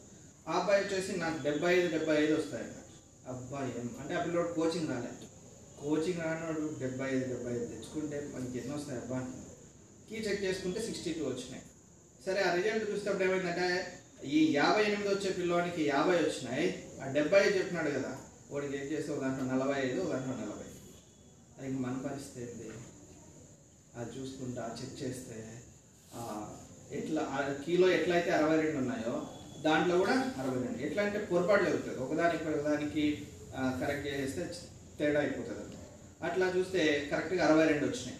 అరవై రెండు చూసుకొని గట్టిగా మా మనసులో. అప్పుడు కొంత కొంత కొంత ఈ భయం పడింది కదా నాన్నకు బాగాలేదు ఖచ్చితంగా జాబ్ రావాలా. మనకి ఎప్పుడు అవసరం అవుతుందో అప్పుడు దేవుడి మీద భక్తి పెరుగుతుంది అన్నమాట జనరల్గా అందరికి. కదా మనకి ఏదైనా బాగాలేనప్పుడు అనారోగ్యం ఉన్నప్పుడు లేదా కౌన్సిలింగ్ అప్పుడు ఇట్లాంటప్పుడే భక్తి పెరుగుతుంది. కదా నాకు కూడా. చాలామంది. మీకు బహుశా అలా లేదేమో. సో తర్వాత ఏం చేస్తా వచ్చినాం అంటే సరే వెళ్ళి మందిరానికి వెళ్తా ఉన్నాం కాబట్టి అన్నతో షేర్ చేస్తా వచ్చినాం అన్ని చెప్తా వచ్చినాం ఆ తర్వాత ఏమైందంటే ఎవరైనా ఆ మార్పులు చెప్పినప్పుడు ఏమనే అంటే అడిగేవాళ్ళు. నీకు ఎన్ని వచ్చినాయి? అంటే అరవై రెండు అంటే అబ్బా అరవై రెండు ఇంకొక మూడు వచ్చింటే బాగుండనే. ఇంకొక మూడు వచ్చింది. భయపడి ప్రార్థన చేసిన ప్రభా ఎట్లా? అందులో ఇట్లా మూడు ఒక మూడు మార్కులు పెరిగి సిక్స్టీ ఫైవ్ వచ్చింటే బాగున్నాయి అంటారు. మరి ఏందని చెప్పి చాలాసార్లు ప్రార్థన చేస్తా ప్రార్థన చేస్తా వచ్చినప్పుడు తర్వాత ఏమైపోయిందంటే టూ థౌజండ్ టెన్లో టూ థౌజండ్ టెన్లో కౌన్సిలింగ్ ఇప్పించినారు ఆ టీటీసీ వాళ్ళు కోర్టుకు భయపట్టి టూ థౌజండ్ నైన్లో ఎగ్జామ్ రాసిన టూ థౌజండ్ టెన్ జూన్లో కౌన్సిలింగ్ పిలిచినారు కానీ ఆ రోజు మళ్ళీ వాయిదా వేసినారు కోర్టులో హియరింగ్ హియరింగ్ ఉంది. తర్వాత టూ థౌజండ్ నైన్లోనే సారీ టూ థౌజండ్ టెన్ నవంబర్లో రెండోసారి కౌన్సిలింగ్ పిలిచారు ఈ మధ్యలో ఏమైపోయిందంటే టీటీసీ చేసిన వాళ్ళకి థర్టీ పర్సెంట్ పోస్టులు ఇవ్వాలని చెప్పి ఒక జీవో వచ్చింది. రాజశేఖర్ రెడ్డి గారు ముఖ్యమంత్రిగా ఉన్నప్పుడు టీటీసీ ఎవరైతే చేసినారో వాళ్ళకి టోటల్ పోస్టులో థర్టీ పర్సెంట్ మిగతా వాళ్ళకు దాంట్లో కాంపిటీషన్ అన్నట్టు ఇచ్చినారు. ఎట్లా ఇంకా మామూలుగా చాలామంది ఏం చేశారంటే ఆల్రెడీ స్వీట్లు పంచుకున్నారు. ఏది? మాకు ఇన్ని వస్తాయని చెప్పేసి పాపం చాలా మంది స్వీట్లు కూడా పంచుకున్నారు. ఆ జూన్లో కౌన్సిలింగ్కి వచ్చిన వాళ్ళు నవంబర్లోకి వచ్చేటప్పటికి చాలా మంది లేరు. ఎందుకంటే థర్టీ పర్సెంట్ అనేది తీసేసేటప్పటికి ఒకటి రెండు మార్కుల్లో ఉన్న వాళ్ళందరూ కూడా పాపం జారిపోయినారు. సరే ఏమంటే తర్వాత చూస్తే ఆ కౌన్సిలింగ్ వస్తా వచ్చినాము. కౌన్సిలింగ్లో కూడా మరి ప్లేస్ ఏది తీసుకోవాలా అని ఒక ఈ లోపల ఏం జరుగుతా వచ్చిందంటే టూ థౌజండ్ నైన్లో మా నాన్నగారు చనిపోతా వచ్చినారు. మా ఇంట్లో ఎవరు మందిరానికి రాడు. మా నాన్న మందిరానికి రాడు. నేను ఒక్కడిని పోయేవాడిని అప్పటికి. ఆ చనిపోయిన తర్వాత మరి ఆ చివరి దినాలు అంటే పడకలో ఉన్నప్పుడు మా జన్మయాంపులు వచ్చేసి మా నాన్న సువార్త చెప్పడము. చాలా కఠినం అనమాట మా నాన్న. ఎవరిని కూడా మా ఇప్పుడు చెప్పాను కదా మా అత్త సమాధానం అని. ఆమె ఒక్కటి ఆయనతోటి గట్టిగా మాట్లాడాడు. మా పెదనాన్న వాళ్ళు కానీ ఎవరు కూడా ఆయనతోటి గట్టిగా ఆయన దగ్గర మాట్లాడలేదు. ఆయన ఎట్లా చెప్తే అట్లా వినేవాడు మా అత్త ఆయనతో గట్టిగా ఏదైనా కూడా వాదించాడు సో అంత చాలా కఠినము చాలా మొండి. చాలా ఎప్పుడు ఇప్పుడు విగ్రహాలు పెట్టినటువంటి ఆయన సువార్త చెప్తా వచ్చినాడు. జర్మన్ వచ్చి సువార్త చెప్పి పాపాలు ఒప్పిస్తూ వచ్చినాడు. పాపాలు ఒప్పించి తర్వాత ఆయన చనిపోతా వచ్చినాడు. జూలై థర్టీ ఎయిత్ మా నాన్న చనిపోతా వచ్చినాడు. చనిపోయిన తర్వాత మరి భూస్థాపన కూడా మరి మందిరం నుంచి వచ్చి భూస్థాపన చేస్తూ వచ్చారు చాలా కాలం సరే తర్వాత ఏం చేస్తా వచ్చినామంటే ఈ కౌన్సిలింగ్ తర్వాత నేను కూడా ఎక్కువగా మందిరానికి వెళ్తా వచ్చినాను ఆత్మీయంగా కూడా. చిన్న చేంజ్ ఏమంటే చాలా మంది ఏమంటే ఇంట్లో ఎవరైనా చనిపోతే నేను చూస్తా వచ్చినాను చిన్నప్పుడు మేము సండే స్కూల్ పోయేటప్పుడు ఒక పిల్లోడు ఆదివారం సండే స్కూల్కు మామూలు మందిరానికి వచ్చే వాళ్ళు ఆదివారం మందిరానికి రాలేదు. బయట ఎక్కడో పోతా అన్నాడు చిన్న పిల్లోడు యాక్సిడెంట్ అయి చనిపోయినాడు. ఆ తర్వాత ఒక కుటుంబమే మందిరానికి రాదు చిన్నప్పుడు సండే స్కూల్లో చూసినటువంటి సంగతి సంసోన్ అనే ఒక అబ్బాయి. ఆ రోజు మందిరానికి రాకుండా పాపం ఎక్కడికో పోతున్నాడు. యాక్సిడెంట్ అయి చనిపోయినాడు. బాబు ఏదో గుద్దేసి. అది దేవుని చిత్తంలో ఉన్నాను కనుకనే మా నాన్న చనిపోయినా కూడా నేను ఇలాగే ప్రార్థన చేసి వచ్చిన. ప్రభా నీ చిత్తం అయితే మా నాన్న బ్రతికించు. అంతే.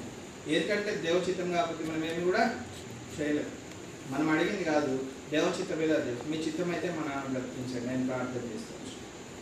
కానీ మా నాన్న తీసుకుంటా వచ్చిన దేవుడు. తర్వాత ఈ జాబ్ జాబ్లో టూ థౌజండ్ టెన్లో అప్పటి వరకు వేరే ప్రైవేట్ స్కూల్లో పనిచేస్తా ఆ షాప్ మూసేసి కొంతవరకు నేర్చుకోవచ్చు అని ప్రైవేట్ స్కూల్కి వెళ్తా వచ్చినాను. మధురానికి కూడా కొంత ఎక్కువ సమయం పోవచ్చు అని చెప్పేసి తర్వాత ఆ ఆత్మీయంగా కూడా కొంతవరకు కూడా రెగ్యులర్గా మందిరానికి పోవడం ఇలాగ చేస్తూ వచ్చి మందిరంలో పనులు చేస్తూ రావడం. అలా జరుగుతూ వచ్చినప్పుడు ఈ టూ థౌజండ్ నైన్ టెన్లో కౌన్సిలింగ్ పిలిచినప్పుడు రెండవసారి మరి ఆ ప్లేస్ ఏది తీసుకోవాలనేది డౌట్ అందరికీ అప్పుడు ఎట్లా అంటే ఎవరైతే కొత్తగా జాబ్లో జాయిన్ అయినారో వాళ్ళ కర్ణాటక బార్డర్లో చేయాలి ఫస్ట్.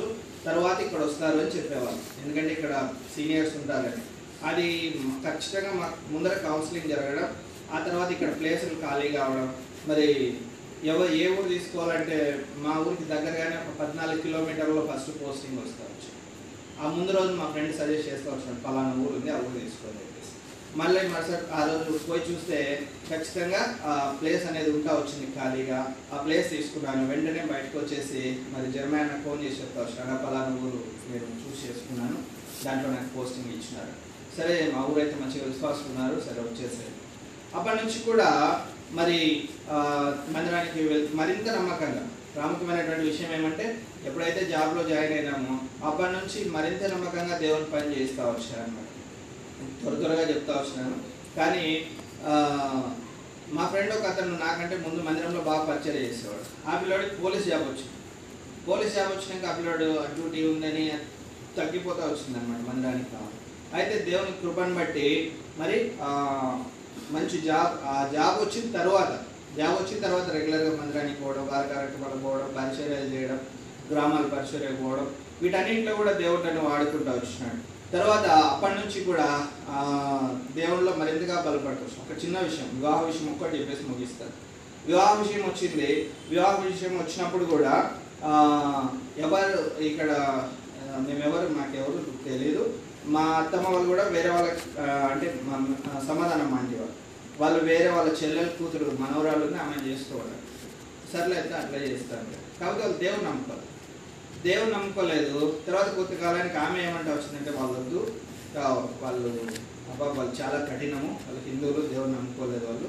అవసరం లేదంటే. సర్లే అయితే అట్లే అంటే చెప్తా ఇక్కడ అనంతపూర్లో ఒక కుటుంబం ఉన్నారు వాళ్ళు. వాళ్ళ వాళ్ళ అమ్మాయిని అడుగుతాము అని చెప్పి అంటా వచ్చినారు. తర్వాత ఏమైపోయిందండి? ఇక్కడ ప్రసాద్ అంకుల్ వాళ్ళకి జర్మనీ అన్న వాళ్ళు ఫ్యామిలీ ఫ్రెండ్స్ వారు వారు ఆ, అన్న చెప్తా వచ్చినట్టు ఇక్కడ ఒక అబ్బాయి ఉన్నాడు ఇట్లా టీచర్గా జాబ్ వచ్చింది. అప్పుడు జాయిన్ అయినప్పుడు మూడు వేల ఆరు వందలు. అప్పుడు అప్రెంటిషిప్ పీరియడ్ ఉండేది అనమాట ఇప్పుడంటే రెగ్యులర్గా చేరిన వాళ్ళకి మొదటి నుంచే పే స్కేల్ ఉంటుంది. ఆ రెగ్యులర్ అప్పుడు మొట్టమొదటిగా మూడు వేల ఆరు వందలు లంచ్ ఇస్తాం అనమాట ఒక చిన్న ఇల్లు ఉండేది చిన్న రెండు రూమ్లు ఉన్నటువంటి ఇల్లు ఒకటి ఉంది. వాళ్ళకి చెప్తా వచ్చినప్పుడు వాళ్ళు ఒక జిల్లా ఉపవాస ప్రార్థన జరిగింది అప్పుడే వస్తా వచ్చినారు అప్పుడు నన్ను చూస్తూ వచ్చినారు చూసి విషయం చెప్పినారు. వీళ్ళు వచ్చేసిన తర్వాత అన్న ఒకటి చెప్పాడు ఏముందా ఏమని చూసుకోవడం కాదు. ఒక మంచి విశ్వాసుల కుటుంబం వాళ్ళు వాళ్ళు ఇట్లా చేసుకుంటే నువ్వు ఆత్మీయంగా బలపడతావు నీకు అది మేలు చేస్తుంది. నేను సర్లేనా అట్లానే కానీ మాకు ఇప్పుడు ప్రజెంట్ కొలీగు ఆయన ముందు తెలుసు. నాకు ఆల్రెడీ పుస్తకాలు చదువుకోవడానికి కూడా ఆయన పుస్తకాలు ఇస్తూ వచ్చినాడు. ఆయన ఏం చేస్తా వచ్చాడంటే సరే జాబ్ వచ్చింది కదా మీకు మంచి ఎంప్లాయీని చూస్తాం చాలా చక్కగా ఎంప్లాయీస్ అయితే బాగుంటుంది అని చెప్తారు ఇక మందిరంలో అన్న వాళ్ళు ఇట్లా చూసినారు నేనేం చేసినంటే డైరెక్ట్ ఆయన చేతిలో ఇన్విటేషన్ ఎక్కువగా పెట్టినా. ఒకసారి చూసి నీకు జాబ్ జాబ్ వాళ్ళని చూస్తాం అనుకున్నాడు ఆయన మంచి ఆయనకు ఉద్దేశం అది. కానీ మనకు దేవుని యొక్క ఉద్దేశం ఇది. సరే అట్లా చెప్పినారు వాళ్ళు వచ్చి చూసుకొని వచ్చిన తర్వాత మరి వాళ్ళ ఇంటికి చూడడానికి రావాలి. నేను ఎందుకు చెప్తున్నారంటే ఎట్లా ఈ విషయంలో దేవుని చిత్తం కనుగొంటా వచ్చినాం అనే విషయం? ఒక ఫైవ్ మినిట్స్ వాళ్ళని చూడడానికి వచ్చినప్పుడు మొట్టమొదటిగా వాళ్ళ ఇంటికి తీసుకెళ్ళాలి. నేను ఏం చేశానంటే జవాషామకి తీసుకొని పోయినారు అప్పటి వరకు అంకుల్ ముందర కూర్చోవడం అంటేనే భయం. ఇప్పటికీ భయమే. అందుకే వెనక కూర్చుంటాడు అనమాట ఏదైనా మీడియా ఏదైనా పిలుస్తారేమో ఏదైనా ఏదైనా అందించడానికి అని వెనక కూర్చుండేవాళ్ళు. సరే అని చెప్పేసి అంకుల్ దగ్గర తీసుకుపోయి కూర్చోబెట్టినారు. అప్పటి వరకు ప్రతిరోజు జర్మన్ అడిగేవాడు ప్రార్థన చేసుకోండి ప్రార్థన చేసుకొని దేవుడు మాట్లాడితే మనం దీని విషయమై ప్రొసీడ్ అవుదామని చెప్తా వచ్చినారు. ఆయన అడిగేవాడు రెండు రోజులకు మూడు రోజులకు ఏ తమ్ముడా దేవుడు మాట్లాడినాడు అంటే లేదన్నా లేదన్నా అని చెప్తా వచ్చినారు. సరే అని చెప్పేసి చివరికి ఏం చేశారంటే మల్లేశ్వరికి కొన్ని వాక్యాలు చూపించారు. కొన్ని వాక్యాలు చూపించి నువ్వు అన్న దగ్గర పోతే నిన్ను ఏం మాట్లాడినాడని అడుగుతాడు ఈ వాక్యాలు చూపించు అని వాక్యాలు చూపించాడు సరే ఇక భయపడకుండా భయపడకుండా వచ్చినాం. అంకుల్ దగ్గరకు వచ్చిన తర్వాత అంకుల్ లక్కీగా నన్ను అడగలే. మీతో ఏం దేవుడు మాట్లాడినాడు నన్ను అడగలే. మా అత్తమ్మ మా మామయ్యని వాళ్ళని అడిగినారు. సో మీతో మీరు ఎట్లా నిర్ధారించుకున్నారు? మీతో దేవుడు ఏం మాట్లాడినాడు? వాళ్ళు కొన్ని వాక్యాలు చూపించారు. వాళ్ళ వాక్యాలు చూపించిన తర్వాత అంకుల్ ఏమన్నారంటే సరే నువ్వు వచ్చినావు కానీ ఇప్పుడు నీకు అమ్మాయిని చూపించాము. ఏం చెప్పారంటే? అమ్మాయిని చూపించాం. ఆల్రెడీ ప్రిపేర్డ్ అయ్యి వచ్చినాం. దేవుడికి ఇంటికి పోయి చూ చూడాలని కానీ అంకుల్ ఏమన్నాడంటే నీకు అమ్మాయిని చూపించాను. నువ్వు అమ్మాయిని చూసి తర్వాత నాకు నచ్చలేదు. అది అంటే అమ్మాయి సాక్ష్యం మాట్లాడేది నీకు చూపించము నీకు ఎక్కడైనా మీటింగ్ జరిగితే నిన్ను పిలుస్తాం. నీ ఆ అమ్మాయికి తెలియకుండా నీకు ఆమెను చూపిస్తాం. అప్పుడు నీకు తర్వాత కావాలంటే ఓకే అనుకుంటే వెళ్తాం. ఇదేందబ్బా ఇట్లా అనేసి అంకులు ఆ నుంచి చూద్దామని ఆశపడి వస్తేను అని చెప్పేసి అనుకున్నాను అయితే ఆ అంకుల్ ఈ వాక్యాలన్నీ చూసిన తర్వాత అత్తమ్మ వాళ్ళతో దేవుడు ఏం మాట్లాడినాడు ఆ వాక్యాలన్నీ చూసిన తర్వాత తర్వాత ఏం చేస్తారు వచ్చిన సరే ఎలా ఉన్నా చేసుకుంటావని ప్రశ్న అడిగాడు. అడిగితే చేసుకుంటాను అంకుల్ అని. ఎలా ఉన్నా? వెనక్కి మరీ అది ఇది అని కూడా. ఏం లేదు అంకుల్ ఎట్లా ఉన్నా కూడా అని చేసి ఆ, వాళ్ళని అడుగుతా వచ్చాడు అమ్మ తీసుకెళ్తారా?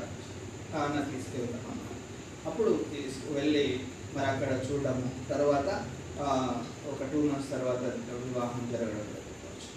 ఈ సంగతి ఎందుకు చెప్తా ఉన్నా అంటే ఈ జరిగిన తర్వాత అంటే వెళ్ళి చూసి వచ్చిన తర్వాత దేవుడు నాతో రిప్కాన్ బట్టి మాట్లాడవచ్చు. ఈ విషయం ఎవరికి చెప్పలేదు ఈరోజు వరకు ఎట్లా దేవుడు మాట్లాడినాడు అనే విషయం. తర్వాత బైబిల్ చదువుకుంటూ వస్తే రిప్కాన్ చూపించి దేవుడు మాట్లాడవచ్చు. మా బా మలేష్ ఆంటీ వాళ్ళు వాక్యాలు చూపించారు మా బాబాయ్ అప్పిని వాళ్ళు వాళ్ళు దైవ సేవకులు వాళ్ళు చూపించినారు. నేను అంకులు అడిగితే ఈ వాక్యాలు చూపు యహోవానైనా నేను దాన్ని కాపు చేస్తున్నాను దాన్ని నీరు కట్టి ఆ ఒక మాట ఉంటుంది వేసాను ఆ మాట చూపించి నువ్వు ఇవి చూపించండి. ఆ రోజు అంకులు అడగలే కానీ తర్వాత దేవుడు స్పష్టంగా కొట్టినట్లు మాట్లాడతాం రిక్కా గురించి అది కానీ సో ఆ దేవు ఆ రోజు ఏ విషయం అయితే ఎందుకు వివాహం కొరకు ఎదురు చూస్తా వచ్చినాము ఎందుకు చేసుకున్నామంటే ఆత్మీయంగా బలపడాలని. నిజంగా అలాంటి కుటుంబాన్ని దేవుడు ఇస్తా వచ్చినాడు. ఎంతో ఈ దినం దేవుని ఇంట్లో పరిచయం చేసే భాగం భాగ్యం ఇస్తా వచ్చినాడు. ఇక్కడ బిఎడ్ జాయిన్ అయిన తర్వాత బిఎడ్ జాయిన్ అయ్యేకి ముందు ఒకవేళ ఆ సంవత్సరం నేను డిగ్రీ జాయిన్ అయ్యేటప్పుడు ఖాళీగా ఉన్నామనుకో ఆ ఒక్క సంవత్సరం ఖాళీగా ఉన్నా కూడా ఈరోజు జాబ్ లేదు. ఎందుకంటే అంత పెద్ద డిఎస్సి మళ్ళీ రాలే. యాభై వేలు పోస్టులు కాదు కదా. ఏదో వంద రెండు వందలు మూడు వందలతో డిఎస్సి ఒక్క సంవత్సరం నేను కనుక డిగ్రీ జాయిన్ అవ్వకుండా కనుక ఖాళీ ఉండినట్లయితే ఈరోజు జాబ్ ఆ జాబ్ ఉండేది కదా. ఇంకోటి ఉండేదేమో తెలియదు కానీ ఆ జాబ్ అయితే ఉండేది కాదు. అనుకున్నాను దేవుని యొక్క చిత్తంలో నేను ఉన్నాను కాబట్టే నేను దేవుని యొక్క దేవునింట్లో దేవుని ఇంట్లో పని చేయాలనే దేవుని చిత్తమేమో అందుకనే ప్రతిదీ కూడా సమకూరుతా వచ్చింది. కోచింగ్ పోవడానికి డబ్బు లేదు. ఎట్లా పోవాలా? వేరే అన్న వచ్చేసి నువ్వు పో నువ్వు కోచింగ్కి నేను ఫీజు నేను కడతాను. ఆయన అన్న మన బంధువు కాదు ఆయనే ఫీజు కట్టాడు. మా నాన్న కావాలనుకుంటే ఆయనే కర్నూలు వరకు కూడా బండి మాట్లాడి పంపిస్తావచ్చు దేవుని చిత్తంలో ఉన్నాను కనుకనే. నాతో పాటు చదివిన వాళ్ళందరూ కూడా మేము నాతో పాటు డిఎస్సి ప్రిపేర్ అయిన వాళ్ళందరూ కూడా నాకంటే వాళ్ళకి టెన్త్లో మార్కులు ఎక్కువ ఇంటర్లో మార్కులు ఎక్కువ డిగ్రీలో మార్కులు ఎక్కువ బీఈడీలో మార్కులు ఎక్కువ కానీ డిఎస్సిలో నాకు ఎక్కువ. ఎందుకు? నేను నమ్ముతాను వాళ్ళ దగ్గర లేని దేవుడు నా దగ్గర. ఈరోజు నేను ధైర్యంగా చెప్పగలను. వాళ్ళ దగ్గర లేని దేవుడు నా దగ్గర వాళ్ళంతా నాతో పాటు చదివినారు. ఉదయం పోటీ. ఒక ఎక్కడన్నా టీ తాగకపోతే పక్కన ఉండేవాడిని కూడా లేపేది. ఎందుకు? మేము బయటికి పోతే వాడక చదువుతాడు? ఏ రా. అదే నేను పోయి వచ్చినానంటే అదంతా కుదరదు రా పోదాం.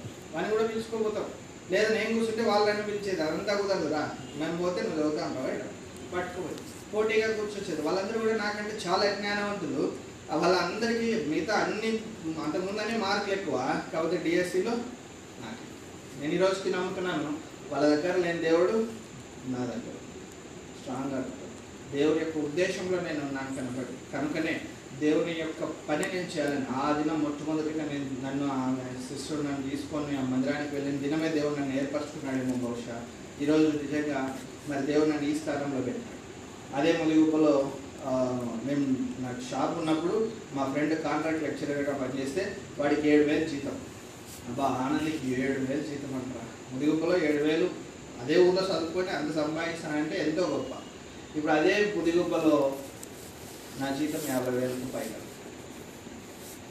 అదే ముదిగుప్పలో నూట యాభై రూపాయలకు నేను ఊరంతా తిరిగి పేపర్ వేస్తాను అదే నూట యాభై రూపాయలకు అదే ముదిగుప్పలో ఆ, రాత్రి పదిన్నర వరకు కూడా సినిమా టికెట్లు ఇచ్చినట్టు ఈరోజు నాకు ఇక్కడ నేను అసలు అదే అంటే ఊహించను కూడా లేదు. దేవుడు నన్ను ఇంతగా హెచ్చిస్తాడని చెప్పేసి.